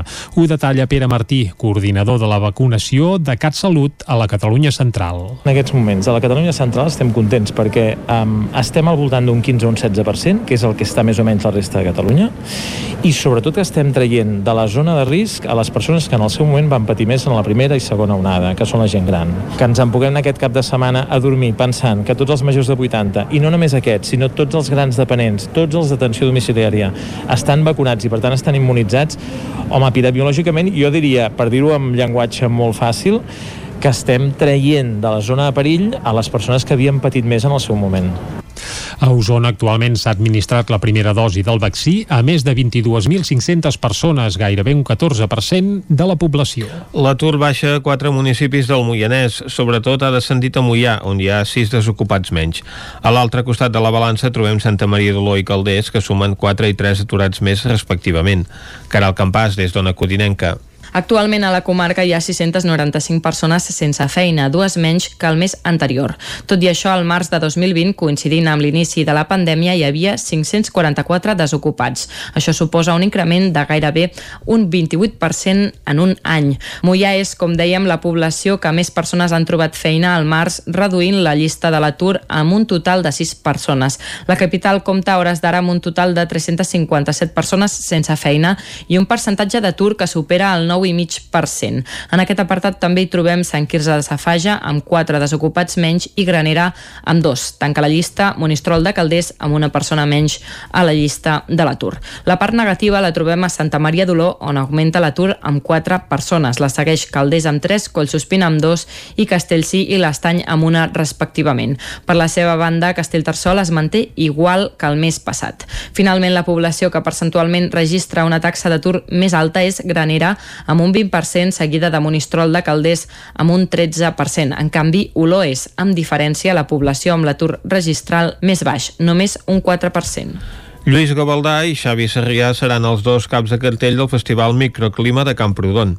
Isaac Muntades, des de la veu de Sant Joan. Després d'un any d'impàs amb un format reduït i concentrat en una sola població, el Festival Microclima de Camprodon 2021 tornarà a ser itinerant i els amants de la música podran gaudir de cinc concerts de forma gratuïta durant tots els dissabtes del mes de maig a les 7 de la tarda. Això sí, amb límit d'aforament i amb reserva prèvia. El director del festival i de l'empresa La Tornada, Pau Planes, va explicar que aquest festival segueix apostant per la mescla d'artistes veterans de gran trajectòria i àmpliament reconeguts i d'altres de més recent creació però amb molta projecció. Planes detallava qui seran els caps de cartell i quan se'ls podrà escoltar. Jo crec que tenim dos artistes que la gent segur que coneixerà que són en Xavi Sarrià i en Lluís Gavaldà. Estem parlant dels dos cantants i líders de dos dels grups més icònics i més reconeguts de la història musical catalana. Xavi Sarrià, per qui no el conegui, era el cantant d'Obrim Pas, músic valencià. Ell, ell actuarà el dia 8 de maig al Passeig Maristany i, arri i arribarà presentant un espectacle que és No s'apaguen les estrelles, que és un espectacle nou i és un espectacle que parteix de la cançó homònima, de la cançó No s'apaguen les estrelles, que és la banda sonora de la pel·lícula La mort de Guillem, una pel·lícula dedicada a Guillem Agulló, que fa molt poc va guanyar el Premi Gaudí, i presenta un espectacle acústic però acompanyat de sis músics, o sigui que ja estem parlant d'una banda contundent, però un espectacle més íntim, on Xavi Sarrià agafarà doncs, tot el repertori de tota la seva trajectòria, des d'èxit d'Obrim Pas com La Flama o del Sud, que segur que sonaran, fins a les cançons de la, de la seva trajectòria actual en solitari. Pel que fa al cantant dels Pets, Lluís Gavaldà actuarà davant de l'església de Sant Cristòfol de Beget el pròxim 22 de maig, on hi durà l'espectacle a la carta, on s'acompanya del pianista Joan Pau Chaves. Ell tocarà la guitarra i cantarà cançons de la banda que lidera des de fa 35 anys. Hi haurà temes clàssics, però també aquells títols de cares bé més difícils d'escoltar en els concerts del grup. El Festival Microclima obrirà el taló el pròxim 1 de maig al passeig de la Font Nova de Camprodon amb un doble concert de Pau Lobo i Laia Llach. Lobo és el cantant de la senyora Tomassa, un grup clàssic que ha viatjat per tota Europa que ha tocat des de ritmes llatins fins a música electrònica i que aviat publicarà el seu primer disc, mentre que Llach és una cantant molt jove que s'ha donat a conèixer per sortir al darrer disc de Cesc Freixes interpretant una peça. Planes va voler destacar la presència de Berta Sala. Actuarà el dia 15 de maig a Roca Bruna, i que és una altra d'aquestes artistes molt jove, té tot just 20, 20 i pocs anys, però que, que ens sentirem a parlar moltíssim. De fet, ara mateix està nominada als Premis Enderroc a millor artista revelació. És una cantant molt jove, però amb moltíssima formació musical. De fet, ella és graduada al Conservatori Superior del Liceu, és també professora del taller de músics i acaba de publicar el seu primer disc de temes propis, un disc que es, podríem definir-lo com una cançó d'autor, però amb ritmes, amb, amb algun toc llatí, amb un punt més d'improvisació, més jazzística, Tancarà el festival el dia 29 de maig davant del monestir de Sant Pere de Camprodon, Sandra Montfort. La cantant valenciana és membre del grup Marala, una de les grans revelacions musicals dels darrers mesos, però ara ha publicat el seu primer disc amb temes propis amb cançons que van de l'electrònica a la poesia. El cinema Esbarjo de Cardedeu acull avui dijous la projecció de tres curtmetratges d'artistes locals o vinculats amb la població. David Oladell, de Ràdio Televisió Cardedeu. Actualment al cinema Esbarjo de Cardedeu hi ha un grup motor de persones que treballa amb l'assessorament d'una empresa experta en la gestió d'equipaments comunitària. Pel que fa al suport a la creació local i en concret a la creació audiovisual local, el dia 8 d'abril el cinema Esbarjo obre les portes a dues produccions d'artistes locals i a una producció d'un artista vinculada amb Cardedeu. Es tracta d'una sessió interna que servirà per presentar tres curtmetratges. En Dani Felices al guió i a la direcció i en Nil Dalmasses a la direcció de fotografia i color projectaran Alicia, un thriller que parla del món contemporani i d'una jove que podria perdre-ho tot. Hi han participat professionals i aficionats del cinema, de l'audiovisual i de les arts escèniques. L'Àlex Rademakers ens ofereix Gran Premio, una cinta de ficció protagonitzada per Pablo Derqui, Ramon Barea i David Bert. I la Diane Malherb ens convida a veure La lavadora, una comèdia d'una durada de 6 minuts i mig en què descobrirem que posar una rentadora no és tan fàcil. S'ha de saber escollir el programa correcte. I fins aquí el butlletí informatiu de les 11, que us hem ofert amb les veus de Vicenç Vigues, David Auladell, Caral Campàs i Isaac Muntades. Ara, quan falta un minutet per un quart de 12 del migdia, fem re, una pausa de mig minut i de seguida saludem en Jordi Soler, que cada 15 dies ens ve a visitar aquí a Territori 17 per alegrar-nos interiorment. Fins ara mateix. Territori 17. Envia'ns les teves notes de veu per WhatsApp al 646 079 023. 646 079 023. WhatsApp Territori 17.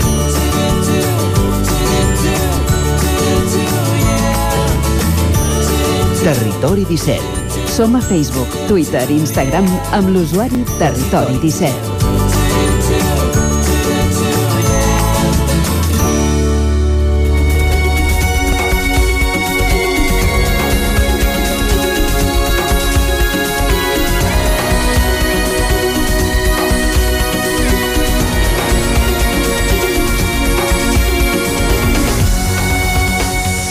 Doncs ara sí que ja són un quart de 12 i Vicenç, qui ens acompanya avui a l'estudi, és en Jordi Soler, que cada 15 dies ens alegra això, el tant. cor, eh, l'esperit i el que faci falta, eh?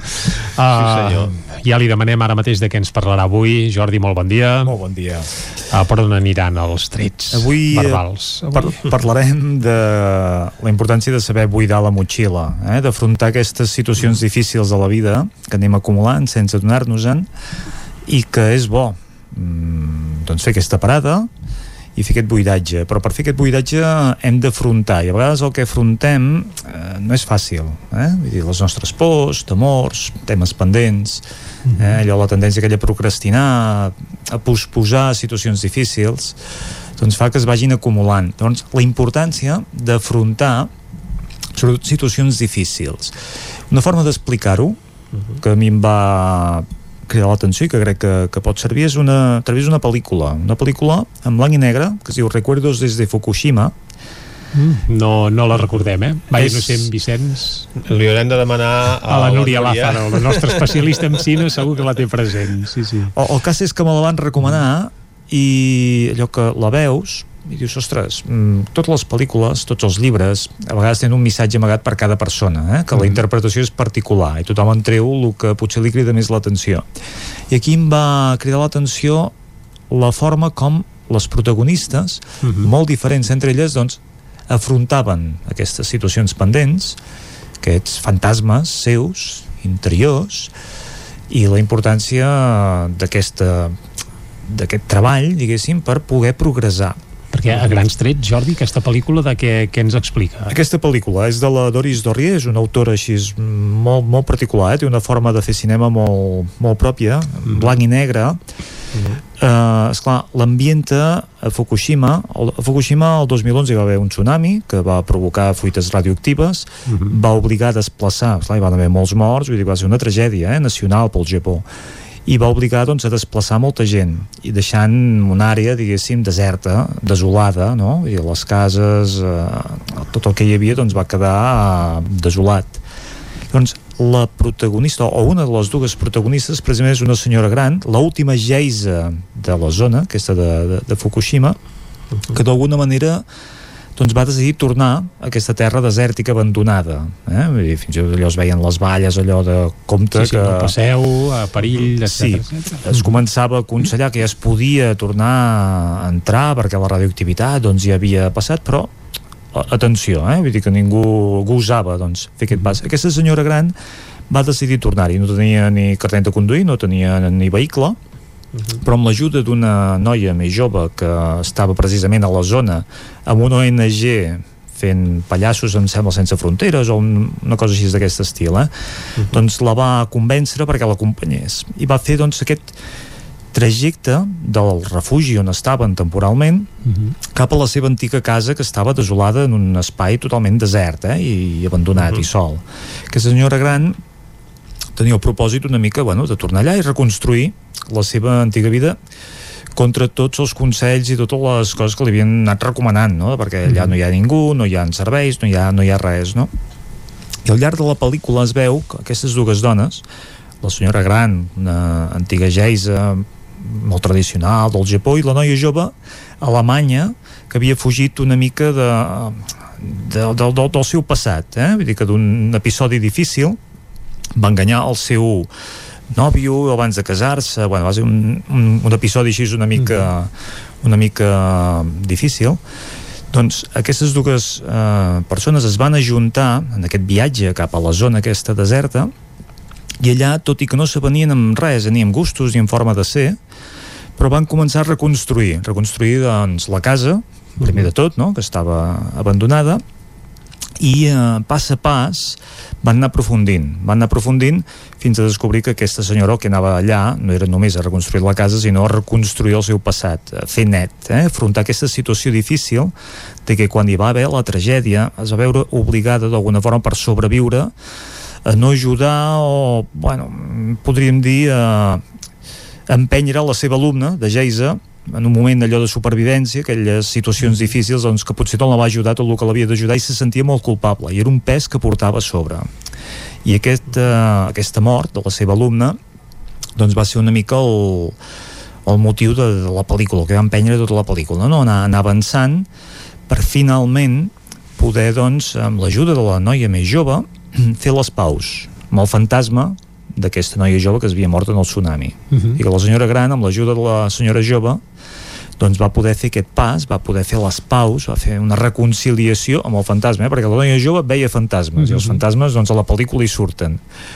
El cas és que aquest pas va ajudar a la senyora gran i va ajudar a la noia jove a fer les paus amb el seu passat, eh? a reconciliar-se amb elles mateixes i es veu això, eh? com a mesura que va avançant la pel·lícula tenen els seus entrebancs, les seves pors, les seves lluites, però també els seus passos de, de, de, de progrés, no? d'avançar, de reconstruir. I finalment, com diu eh, el viatge de l'heroi, no? Vull dir, el gran repte final que van superar amb èxit totes dues els hi va permetre doncs, una mica doncs, bueno, fer aquest buidatge, eh? buidar la motxilla, fer les paus, desprendre's i continuar d'una altra manera. La senyora Gran eh, va començar a venir-li gent, la, una nova generació de geises, vull dir que tot es va anar resituant. resituant. Mm -hmm. Doncs el, el que llegim de tot això i el que veig de tot això és que les coses difícils a vegades les amaguem, les justifiquem, les tapem, eh, les obviem i, i estan allà és com el rovell, eh? que anem posant capes de pintura per sobre, però si no el rasquem,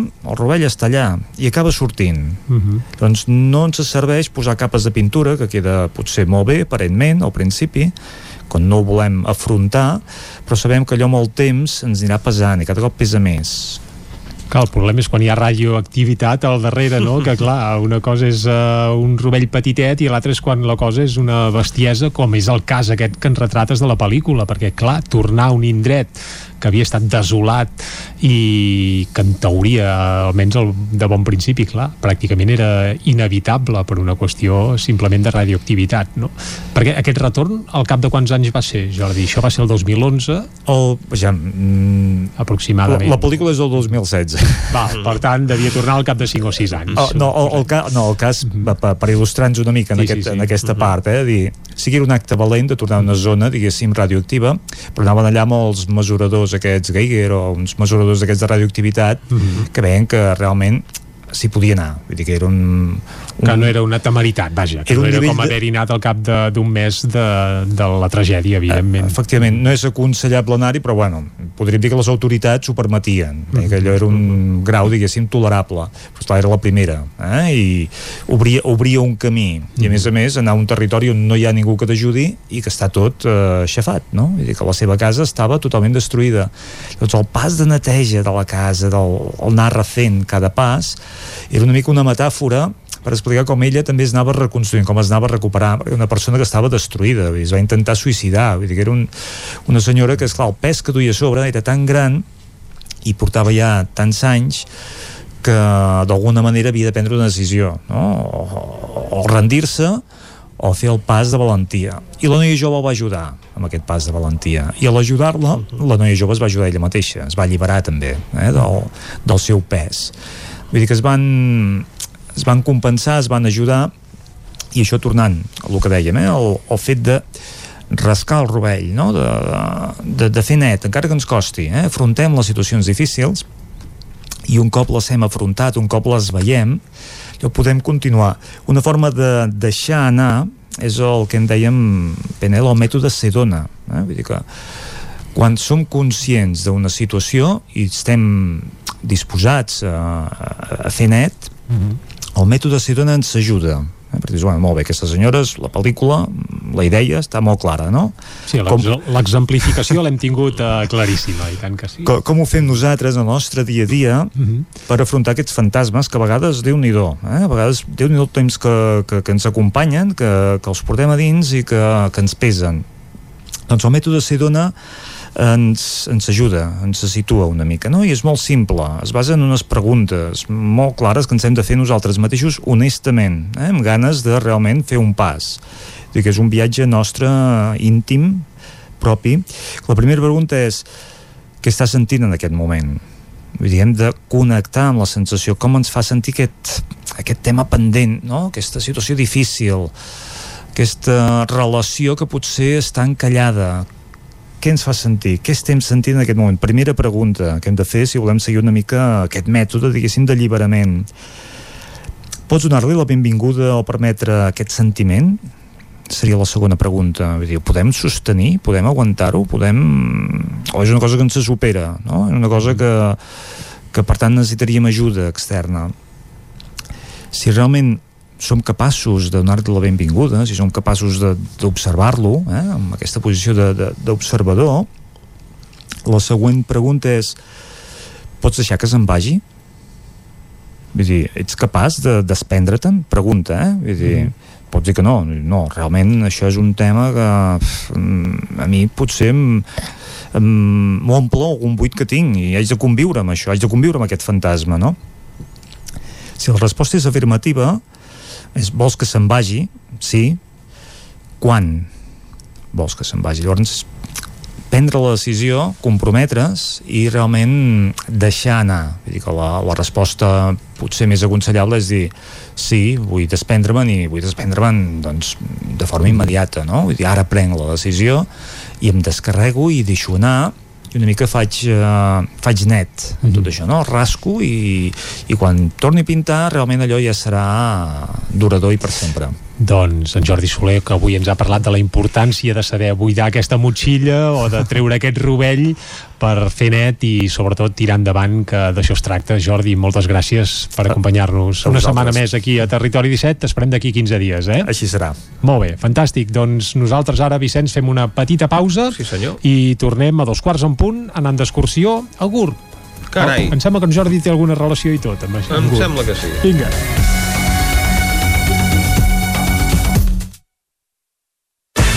El nou FM, la ràdio de casa, al 92.8. Pintures Xevi Soler. Tot en pintures. Façanes, obra nova, rehabilitacions interiors de vivenda, estucs, microciments, pintura industrial, motllures, terres vinílics... Pintures Xevi Soler. Ens agrada assessorar-vos i fer de casa vostra el millor lloc del món. Ens trobareu a Manlleu, al carrer Sogorb 113, telèfon 616 15 87 33 o 93 851 3504. Vine a Autoscola Montseny i t'informarem de les nostres ofertes. Permís de moto 16 anys amb 4 pràctiques des de 399 euros. Permís de moto 18 anys amb 4 pràctiques des de 425 euros. Permís de cotxe amb 10 pràctiques des de 460 euros. I si vens amb un amic, et regalem una pràctica. Per més informació, Autoscola Montseny, a la Rambla de Vallades 13, primer segona de Vic, al telèfon 93 885 45 88 i també a Facebook i Instagram. Hi ha sensacions que són úniques. Aquell bany relaxant, mirar per la finestra quan plou i com les calderes Bailand, que li ofereixen fins a 15 anys de cobertura total amb el servei tècnic oficial Bailand. Informis a Oficiat Nord trucant al 93 886 0040. Amb el servei tècnic oficial de Bailand, la seva caldera estarà en les millors mans. Cocodril Club. Si t'agrada la bona música dels anys 60, 70 i 80, escolta el 9 FM els matins de dissabtes i diumenges d'11 a 1. És el temps del Cocodril Club, tot un clàssic de la ràdio, amb les bases del pop-rock, les llegendes, les cançons que s'han convertit en autèntics himnes. Recorda, dissabtes i diumenges al matí, d'11 a 1, al 9 FM 92.8. Cocodril Club, el programa revival de l'Albert Malla.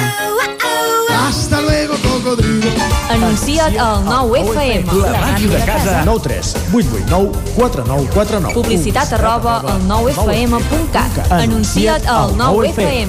La publicitat més eficaç. Passema, comercial de maquinària i utillatges amb més de 50 anys al vostre servei. Visiteu la nostra botiga i trobareu productes de gran qualitat. Passema, som al polígon Sot dels Pradals, al carrer Cervera 10 de Vic. Telèfon 93 885 32 51. Ara, des del web de La Meva Salut, pots actualitzar les teves dades de contacte, com el número de telèfon, el mòbil i l'adreça electrònica, per poder rebre tota la informació mèdica necessària. Per exemple, sobre la convocatòria de la vacuna contra la Covid-19. Si encara no t'has donat d'alta, fes-ho ara a lamevasalut.gencat.cat. Salut. Cuidem el que som. Generalitat de Catalunya. 7 milions i mig de futurs. El 9FM, la ràdio de casa, al 92.8.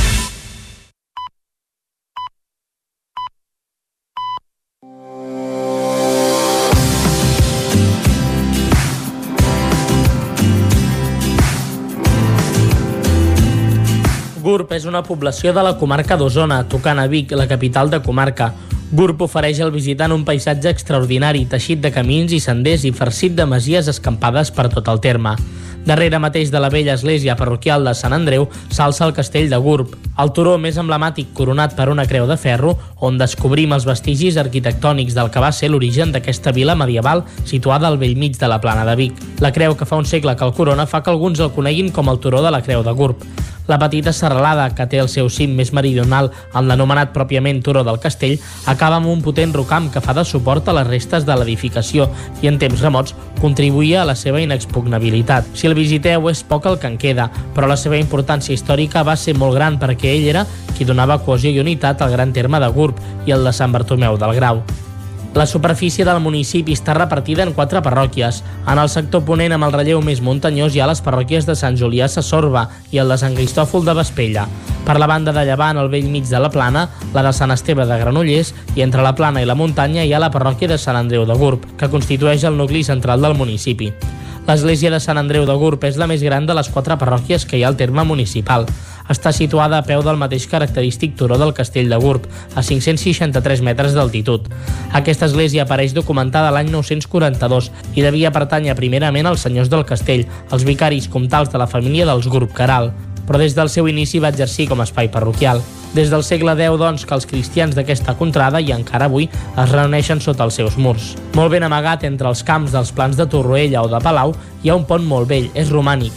Aquest pont travessa la riera del Sorreig una mica abans de la seva desembocadura al Ter.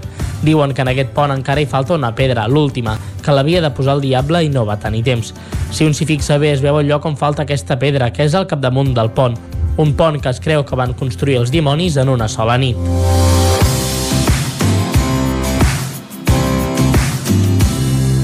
Territori 17 doncs avui que el Descobrim Catalunya hem anat fins a Gurb, a Gurb de la Plana, Gurb, que per cert es veu que no és el municipi d'en Jordi Soler, eh? No, uh, està allà a la frontera. Sí, sí, diu que viu a un cop de, de roc de, de, de Gurb, ell però és que és de Vic, eh? Jo l'havia ubicat a Gurb. És que Gurb i Vic, cal dir que, bé, evidentment són municipis que, que es toquen, Exacte. i en algun cas és que un carrer és Vic, travesses i ets a Gurb. A la zona de l'Esperança és complicat a vegades de situar-se, eh? Doncs sí, senyor. Escolta, de ponts d'aquests que van fer en una sola nit, com els Diables a Gurb, n'hi ha un a la R3. Ah, sí?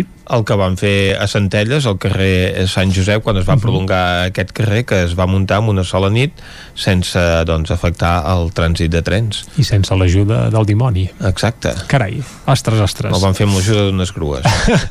sí, molt millor, molt millor. Ai, avui a la R3 per això no parlarem de ponts ni de dimonis, sinó que suposo que el protagonisme se l'endurà aquest camió-tren. Bé, algun, algun esperit així per una pel·lícula de por, això que dèiem, donaria. Sí, sí, eh, donaria, donaria. I això del camió-tren també se'm fa estrany, eh? Un cop veus la foto ja et situes, eh? Però és que sí. és un camió convencional uh -huh. que es posa sobre una espècie de vagoneta i en Sí, teoria, bé, existeix, eh? Però és... Exacte, sí, Uh, sí. bé, us convidem a anar al 99.cat i veure alguna fotografia que la veritat és que val molt la pena. Uh, anem a la Trenc d'Alba, sí? Anem-hi. Doncs vinga, cap a la Trenc d'Alba. A Trenc d'Alba, edició pandèmia. Ara sense els usuaris que ens explicaven les seves desgràcies a la R3, però amb els mateixos retards i problemes de sempre. Benvinguts a Tren d'Alba. Doncs avui no us acabaré de parlar del conveni entre l'Ajuntament de Ripoll i Adif per la supressió de passos a nivell de la via. I és que l'R3 té moltes sorpreses. I ahir es podria haver produït un drama que per sort va acabar en un ensurt, però caldrà que algú assumeixi responsabilitats. Segons avançava el diari Nació Digital, un camió de treballs ferroviaris es va desfrenar a Planoles i, atenció, va circular sense conductor durant uns 20 quilòmetres. El vehicle va passar per les estacions de Ribes de Freser, Can de Bànol i es va aturar a l'entrada de l'estació de Ripoll. I gràcies a un miracle no va haver-hi ferits ni tampoc danys materials. El ferrocamió estava treballant a les obres de millora del túnel de Toses, que ahir sabíem que anaven una mica millor del previst, tot i que van tard igualment. Quan es va desfrenar? El conductor va saltar a temps i els treballadors de l'empresa subcontractada per Adif van avisar al 112 perquè s'activessin tots els protocols d'emergència d'immediat. Els sensors dels passos a nivell van fer baixar automàticament les barreres dels pobles per on passava el camió, evitant possibles topades. Fins al lloc dels fets s'hi van desplaçar dues dotacions de bombers de la Generalitat, una dels Mossos d'Esquadra, una de la policia local i dels tècnics de DIF, i en activar-se l'alerta es va haver de desallotjar un tren que acabava d'arribar a Ripoll i havia de pujar fins a Ribes. Evidentment, es va posar servei alternatiu per carretera. Gairebé una hora després de l'accident, pocs minuts després de les 8 del vespre, un tren buit amb tècnics de DIF a bord va circular per comprovar que no hi havia danys a la via. El president del Consell Comarcal, Joaquim Colomer, o les alcaldesses de Can de Bànol i Ribes de Freser, Dolors Costa i Mònica Sant Jaume, van exigir responsabilitats a través de les xarxes socials. L'alcalde Jordi Monell també es va desplaçar fins al lloc dels fets. Caos absolut que per sort va acabar en un no res. Va, ens retrobem demà amb més històries del tren i de la R3. Territori 17 El racó de pensar a Territori 17 Ai, quines aventures al tren, eh? És, és sí. espectacular. Doncs sí senyor, el tren dona per moltes aventures. Uh, bé, avui una de grossa, però ara el que ens toca és anar cap al racó de pensar on ens espera la Maria López, a qui ja saludem ara mateix. Maria, bon, bon dia. dia. Bon dia des bon dia. de Cardedeu. Mireu, bon avui us volem parlar d'un tema que segurament pels que són del plantic, allò d'IGB, BUP i tot això, potser sona una mica xino, excepte si teniu fills o filles que ja hagin passat per tercer d'ESO. Avui us volem parlar del servei comunitari, i més en concret d'uns projectes molt potents que estan sorgint, que comencen tots just ara a Cardedeu al voltant d'aquest servei. Per començar, i per la secció antiga, com jo, comencem aclarint què és això del servei comunitari. L'explicació oficial del Departament d'Ensenyament diria algú així, i cito textualment, el servei comunitari per l'alumnat de secundària obligatòria és una acció educativa en el marc del currículum obligatori, vamos, de moment ha quedat clar que és obligatori, que vol promoure que els alumnes experimentin i protagonitzin accions de compromís cívic. Ojo amb el cívic. Aprenguin en l'exercici actiu de la ciutadania i posin en joc els seus coneixements i capacitats al servei de la comunitat. S'aconsella, i diu també això el departament, una dedicació aproximada de 20 hores al desenvolupament del servei comunitari que inclogui un mínim de 10 hores de servei actiu a la comunitat. Tots sabem que a vegades eh, aquestes coses tan formals costen una mica d'entendre, però perquè ens aclarim tots una mica. Dintre del currículum és obligatori que els alumnes de tercer d'ESO facin 10 hores d'activitats fora del centre que tinguin finalitat social. Entenguem-nos, això pot ser cura de gent gran, educació inclusiva, suport lector a gent més petita, etc. A Cardedeu, des de fa un any, el casal de joves La Paqui s'ofereix també per acollir alumnes que hagin de fer aquest servei. Però aquí els del casal, que ja acostumen a fer les coses una miqueta donant la volta, eh, no els hi diuen als joves què han de fer, sinó que se'ls hi demana què consideren que faria falta fer. I arrel d'això, a Cardedeu han nascut tres projectes molt potents que ara podrem conèixer amb més profunditat. Així que avui, per parlar-nos d'aquests superprojectes, contem amb l'Amat Molero, ell és dinamitzador de joves del Casal de Joves La Paqui i que ja ha vingut altres vegades també al racó de pensar. Bon dia, Amat. Bon dia. I contem també amb el Lucas Vico, ell és dinamitzador de Medi Obert a la Paqui i professional de la cooperativa Aerol Urbà. Bon dia, Lucas. Hola, bon dia, com estem? Què tal? Bon dia. A veure, comencem, perquè ja d'entrada jo ho he deixat anar una mica així en plan vacile, però és veritat o no que la Paqui ja feu això de donar-li la volta a les coses, que acolliu gent per fer servei comunitari i en comptes de dies de fer això, que és normalment el que es fa al servei comunitari, va i pregunteu si és que per què la lieu? Perquè ens encanta liar-la. És la gran conclusió. No, algo que crec que compartim tant, tant el Lucas com a professional de la PAC i com també de Rol Urbà, algo que veiem claríssim és que si nosaltres anem a la gent jove a dir-los exactament què és el que han de fer en temes socials, de tot ho tindrem menys una bona resposta i que per nosaltres el que és la clau és que sigui amb el mural, que ja ens ho explicarà millor Lucas, de com van tots aquests murals comunitaris com amb un servei comunitari, que la clau estigui en què les joves decideixin exactament què és el que no els agrada d'aquest món, cap a on volen enfocar aquest servei comunitari i que llavors decideixin l'acció social concreta i precisa de cap a on fer-ho. Vosaltres agafeu, feu aquesta pregunta, d'alguna manera, a la gent jove i, i qui, qui, per on tiren, per, per on us trobeu les respostes? Perquè fa unes setmanes aquí ja vam estar parlant també d'unes activitats que s'estaven fent des de l'Institut Pla Marcell, on s'intentava també la participació a través de conèixer a diferents entitats i associacions de Cardedeu, el projecte Som Cardedeu, eh, que ja també d'alguna manera intentava fomentar aquesta participació i aquesta, eh, aquest, aquesta inclusió de, de les joves entrant dintre de la comunitat i en la societat. Això segueix molt la mateixa línia, però més es demana què voleu fer? Per on han sortit les propostes? Clar, per una banda, com dius, la, la gran pregunta per mi es troba en quins són els malestars socials que perceben, que viuen o que han vist al seu voltant. I llavors, doncs, puc dir que, per exemple, amb, l'Institut del Raspall ha anat per una banda, perquè ho han enllaçat, com després xerrarem, d'un mural comunitari, però, en canvi, amb el SUI i amb el Pla Marcell van sortir temes des de pot ser l'assetjament al carrer, fins a temes relacionats amb el racisme i la discriminació dintre del futbol, fins a crítiques del sistema educatiu i en el SUI van sortir molts temes sobre LGTBI-fòbia, sobre masclisme, sobre racisme també, sobre fins i tot etiquetes que es posen entre els mateixos homes i que tenen a veure amb les masculinitats i que al final tot s'ha juntat a parlar d'etiquetes socials. I a partir d'aquí, l'acció que prenen per nosaltres també és no només el tema, sinó l'acció. I l'acció que prenen llavors l'acaben decidint i en tots tres instituts s'ha pres la decisió amb els grupillos de crear tres càmeres ocultes, mm. ai, amb els tres instituts, amb els tres grupillos en què estem treballant, tres càmeres ocultes que jo crec que són una forma increïble de generar molta pedagogia amb el tema. Tres càmeres ocultes, això m'ha fet així pensar d'entrada. De, Recordo un temps enrere, si no m'equivoco, que es va fer alguna cosa similar aquí, també treballant amb les, amb les etiquetes. Eh, en aquest cas, d'alguna manera, el que es demanava la gent amb diferents perfils de, de joves i esperava gent gran que col·loquessin les diferents etiquetes segons els perfils de persones que es trobaven allà, no? I se'ls hi feia molt violent algunes persones, no? Perquè igual doncs, tenien un perfil de... tenien diferents races o diferents ètnies i havien de col·locar des d'una etiqueta que deia, eh, jo què sé, eh, terrorista, per exemple, o, o Machirulo, no me'n recordo, eh? però anàvem per aquí. No sé si aquesta és la línia que seguiria més o menys i com estan plantejades. Tampoc no desvelarem, no farem moltes coses spoilers, perquè llavors perdrà molt la gràcia, exacte, la gent que vagi per Cardedeu ens dirà ah, és esto!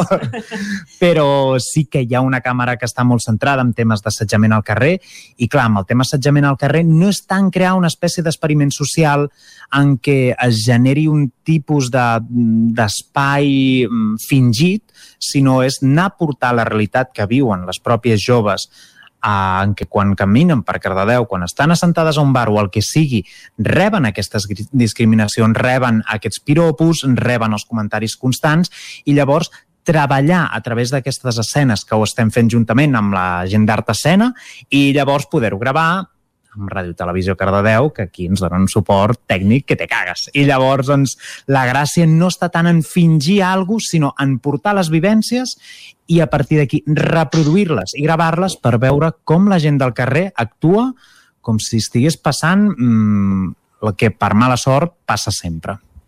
Sí, perquè ens entenguem. Perquè d'entrada aquí planteja una cosa. Creus que a les joves no se'ls acaba de creure quan expliquen ens passa això? És necessari demostrar-ho mitjançant una càmera oculta perquè realment la gent digui, ostres, és veritat, passa. Sembla com que no se'ls acaba de donar credibilitat, no? Mm, jo algú que veig és que hi ha una deslegitimació molt gran per part del món adult cap a la gent jove. Es parla sempre del jove com algú que encara ha de madurar, com algú que ha de pensar, com algú idealista, com algú impulsiu, com algú massa emocional, etc etc. com si algú que en la seva vivència i les seves emocions i el que li passa no fos tan legítim com algú que fos adult.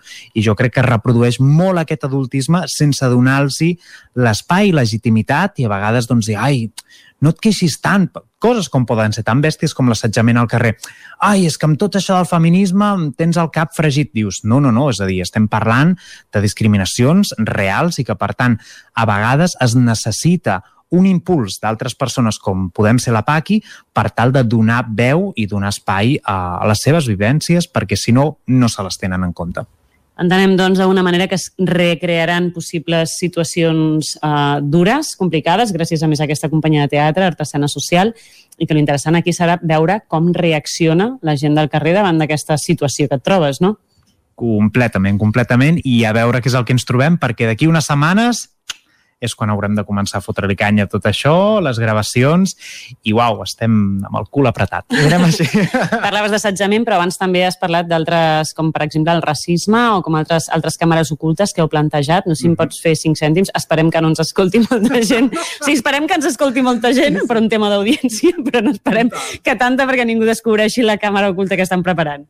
Les que al final ha sigut, doncs, les pioneres i les que hem acabat decidint amb el grup per una banda és assetjament sexual, una altra del sistema educatiu, que no diré res més perquè llavors desvelaríem moltes coses, i la tercera és el tema de les etiquetes, que aquí hem agafat diverses situacions que puguin succeir al carrer, que puguin succeir a dintre de l'espai públic, per tal de reproduir-les a, a través d'aquestes doncs, performances al carrer o teatre invisible per veure com reacciona la gent. I el que sí que per nosaltres és molt important, i basant-nos també en el teatre de l'oprimit, és que totes les escenes no són una ficció mm, irreal de Hollywood i una exageració, sinó que estan basades en vivències reals. I a partir d'aquí jo crec que és el que li dona molt més pes i, i veracitat a que allò que s'està fent en aquell moment com un teatre està de veritat basat en unes històries de vida. I així, i així tan amples que la Mat, després de posar-nos en aquesta, en aquesta situació. La Mat ens ha parlat de, de la feina que hi ha prevista amb alguns grups, amb aquestes càmeres ocultes, uh, però tenim també el Lucas, que amb ell el que es treballarà d'alguna manera és un mural social. I a mi com a... Ho he, ho he dit bé, això? Mural social. Mural, mural, mural comunitari. Ja l'he liat, jo acabo de presentar-ho i ja, ja l'he liat. Uh, D'entrada, clar, a mi no, no sé si acabo d'entendre, ja em puc imaginar el concepte que hi ha al darrere, però segur que el Lucas ens ho pot explicar molt millor. Com podríem definir un mural comunitari? Un mural comunitari és bàsicament una acció artística, una intervenció a l'espai urbà, eh, a l'espai públic, sobretot, en un lloc on hi circuli la vida i que té com a objectiu eh, involucrar les persones que viuen en aquella comunitat o en aquell centre, que circulen per allà i tenir-les en compte per fer un missatge que interpel·li a les mateixes persones que hi viuen, d'alguna forma. És a dir, generar una obra artística eh, feta per i dirigida a la gent eh, del lloc on s'està integrant aquesta obra, bàsicament. Com, com treballes això amb gent tan jove? Que, perquè suposo que sí que ja, ja es deu posar en el grup gent que d'alguna manera potser els interessa més l'art o els interessa més l'art urbà en aquest sentit, o no, no ho sé, eh? molt bé la gestió com, com la feu, però com treballes, com fas que tot un grup es posi d'acord per tirar endavant una mateixa obra? Doncs intentem que l'obra passi directament per les vivències del grup, de la mateixa manera que la feina que està començant, comentant la Mat des de, des de la PAC i el que busca és baixar una mica de l'abstracte les vivències que atravessen directament els participants, a les joves, perquè és la manera de que tingui un sentit real i no sigui pur eh, com un discurs abstracte, diguem, doncs intentem passar-ho per aquí i baixar-ho una mica de, de, pues, de lo més conceptual a lo més concret, eh, plantejant en aquesta comunitat, en aquest grup, en aquest centre o en aquest barri, depenent d'on estiguem treballant, quines són les problemàtiques presents, eh, des d'on volem parlar, a qui ens volem dirigir i quina, i quina problemàtica volem adreçar. I normalment, òbviament, doncs, pot haver-hi pot haver molta diversitat d'opinions i de vivències i el que sigui.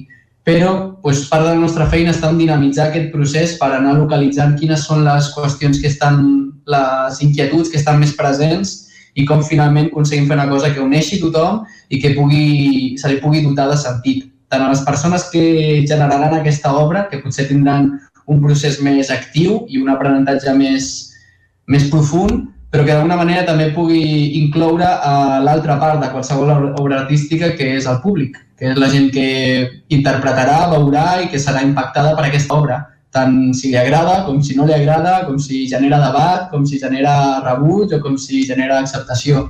Totes les, totes les reaccions que està generant una obra quan es situa l'espai públic eh, són interessants, perquè al final estem eh, generant un input, un, estem entrant a la vida d'aquestes persones amb aquesta obra. I això és superinteressant, és un, una potencialitat increïble. Tu tens experiències anteriors ja amb, amb murals comunitaris. No sé si ens pots explicar alguna experiència prèvia, una mica què t'has trobat, quins temes els motiven a l'hora d'expressar d'expressar el que volen davant d'un un espai públic? Bueno, això, pues, òbviament, depèn molt de, del col·lectiu amb el que estiguem treballant, però jo pues, porto ja bastants anys treballant en, en aquest àmbit i especialment des, de, des del meu col·lectiu, que ens diem Arol Urbà i que estem basats aquí a Cardedeu. Eh, la veritat és que quan treballem sobretot amb joves l'acostumen a, a sortir qüestions socials i, i de tipus ecològic també. Són problemàtiques que estan molt presents i que, i que acostumen a agafar molt de bombo.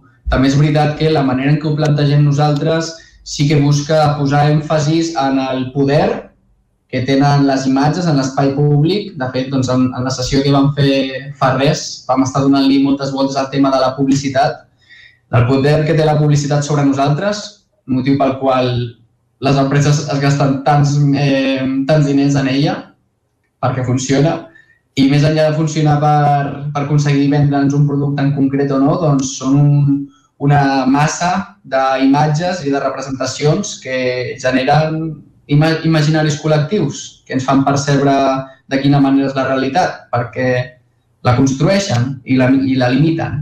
I això que sona superabstracte és una manera de dir les imatges tenen poder. Com podem utilitzar aquest poder, aquesta responsabilitat de tenir una paret aquí a l'espai públic, en el pati que s'ho menjarà tot el su i el raspall, on sigui. I normalment, quan ho plantegem des d'aquest lloc, doncs acostumen a agafar aquesta possibilitat i aquesta oportunitat des d'un de, des lloc bastant responsable eh, a nivell social, perquè per poder pintar es poden pintar mil coses. No crec que només sigui correcte un tipus d'art eh, compromès socialment, en absolut. Si em preguntes què pinto jo com a artista plàstic eh, per mi mateix, doncs serà la meva moguda. Però sí que crec que és interessant unir les persones per, per posar el focus en, en, en allò que potser està sent silenciat. A mi em sembla, a més a més, molt interessant el fet d'un art, eh, de que es converteixi en un art col·lectiu. Per mi, eh, des del meu punt de vista, tot el que són aquelles expressions d'art que requereixen de més d'una persona em sembla molt interessant, perquè d'alguna manera és com que es van creuar eh, sensibilitats diferents, no? És com amb el cinema, que una, una bona pel·li no la pot fer una sola persona, no? Necessites un, un bon guionista, un bon director, un bon realitzador i un munt de gent potent amb les seves sensibilitats perquè la cosa funcioni. Em sembla molt interessant aquest, aquest punt col·lectiu, diguéssim, de tirar endavant aquesta obra d'art de manera conjunta. Uh, no sé si, com, com ho veieu, però jo anava pensant, em feia una mica l'efecte que fins ara els serveis comunitaris, uh, si us fixeu, tal com estaven plantejats, estan plantejats de manera que ajudessin o eh, les joves fix, es fixessin en la resta de problemes de la societat.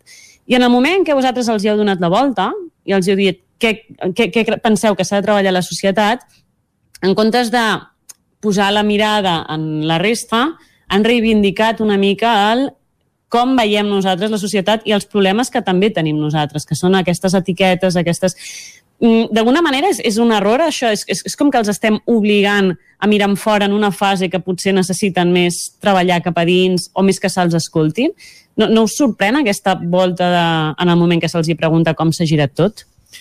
Clar, jo una de les coses que veig és que estan acostumadíssimes, per mala sort i perquè si a mi em diguessin de repetir l'ESO ara seria incapaç, és a dir, no podria que m'estiguessin obligant durant sis hores a fer coses les quals no m'agraden, per mi el servei comunitari, si em repeteix una miqueta aquesta perspectiva de anem a fer classe, fins i tot si tu acabes treballant amb gent gran, és que potser ho faràs per, perquè toca, i perquè toca, jo crec que les reivindicacions socials i l'estar en contacte amb, amb, amb coses que podrien ser molt similars a l'activisme social no poden sortir de l'obligació no poden sortir per res d'algú que et digui que et toca fer això i que, per tant, has de notar quina és l'espurna que tu se t'obre a dintre d'aquest món per tal de llavors canalitzar-ho per alguna banda.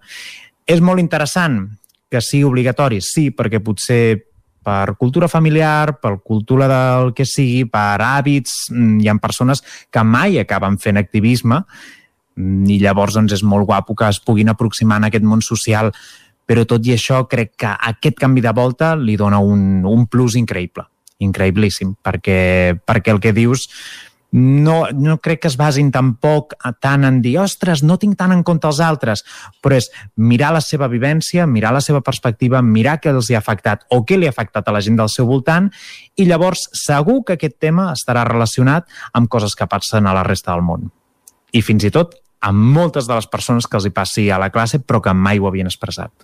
M'imagino més que els temes, i segurament el Lucas també amb els murals potser s'ho ha anat trobant, però que els temes deuen ser bastant eh, recurrents en, el sector, en, la secció més jove, perquè al final són els problemes que es troben dia a dia, no? Suposo que temes doncs, de diversitat sexual, d'assetjament, com parlàvem abans, fins i tot de racisme, per desgràcia, vull dir, que els temes deuen ser bastant iguals o bastant recurrents, no? No sé, Lucas, amb el tema dels murals, si t'has trobat també d'una aquesta necessitat d'expressar aquestes coses que realment són les que els preocupen ara mateix i que potser els estàs obligant a fer un altre tipus de servei que potser no et poden interioritzar tant ara mateix, no? Sí, total. O sigui, hi ha un munt de qüestions que estan super presents i que senzillament es manifesten de manera diferent. però sempre acaben donant-se uns mateixos debats i jo crec que justament el potencial d'aquest tipus de projectes està en aquests debats, en aquest moment en el qual es genera una, un diàleg que és prou respectuós i prou obert com perquè tothom pugui eh, mostrar la seva, la seva vivència o, o la seva opinió respecte a uns temes que puguin haver-hi diferències i que puguin escoltar-se, amb, eh, empatitzar els uns als altres i generar intel·ligència col·lectiva al final perquè ja no és la figura d'una persona superior, un professor una professora que està dient això és la veritat i els altres en són receptors que escolten, sinó, ei, anem a escoltar-nos, anem a, anem a validar-nos mútuament les nostres experiències i anem a veure què en traiem d'això. I al final, doncs, d'una manera o d'una altra, sempre hi ha diferències, òbviament, però hi ha una sèrie de qüestions que estan molt presents i que acaben trobant-se pues, igual que la Mat ha comentat, que al final acaben trobant-se eh, a les etiquetes, per exemple. Hi ha moltes etiquetes, hi ha moltes vivències personals i cadascú té la seva, però hi ha punts comuns on s'acostuma a concentrar aquesta, aquest, aquesta atenció i aquesta, aquestes opressions, diguem, o aquestes problemàtiques. I crec que és superinteressant el, el coneixement i l'aprenentatge que almenys jo eh, aprenc moltíssim durant aquests processos, només escoltant la, les reflexions que fan i realment em flipa moltíssim el nivell de treball que porten ja feta a, als instituts. O sigui, em dóna esperança, la veritat.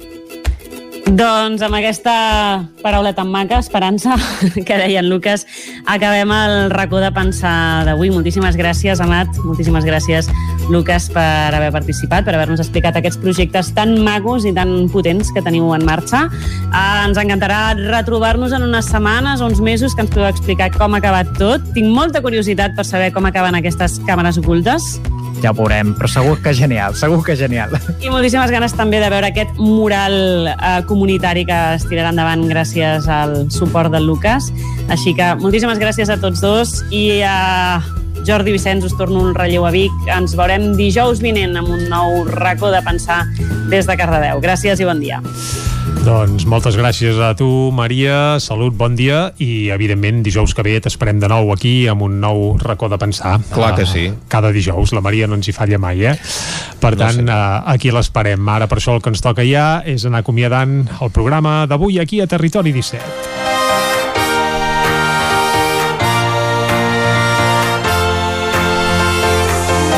Un territori 17 que avui hem fet. Clàudia Dinarès, Isaac Muntades, Caral Campàs, David Auladell, Pepa Costa, Isaac Moreno, Òscar Muñoz, Núria Lázaro, Jordi Soler, Maria López, Jordi Sunyer i Vicenç Vigues. Nosaltres tornarem demà, demà divendres, i com sempre us farem companyia des de les 9 del matí i fins a les 12 del migdia. Serà fins demà, doncs. Va, que vagi molt bé. Salut. Adeu. Ciao.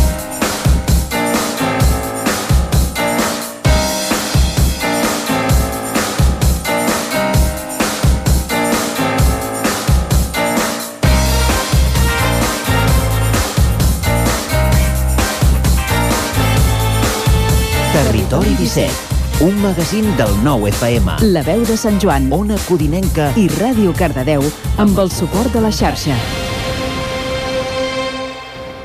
El nou FM.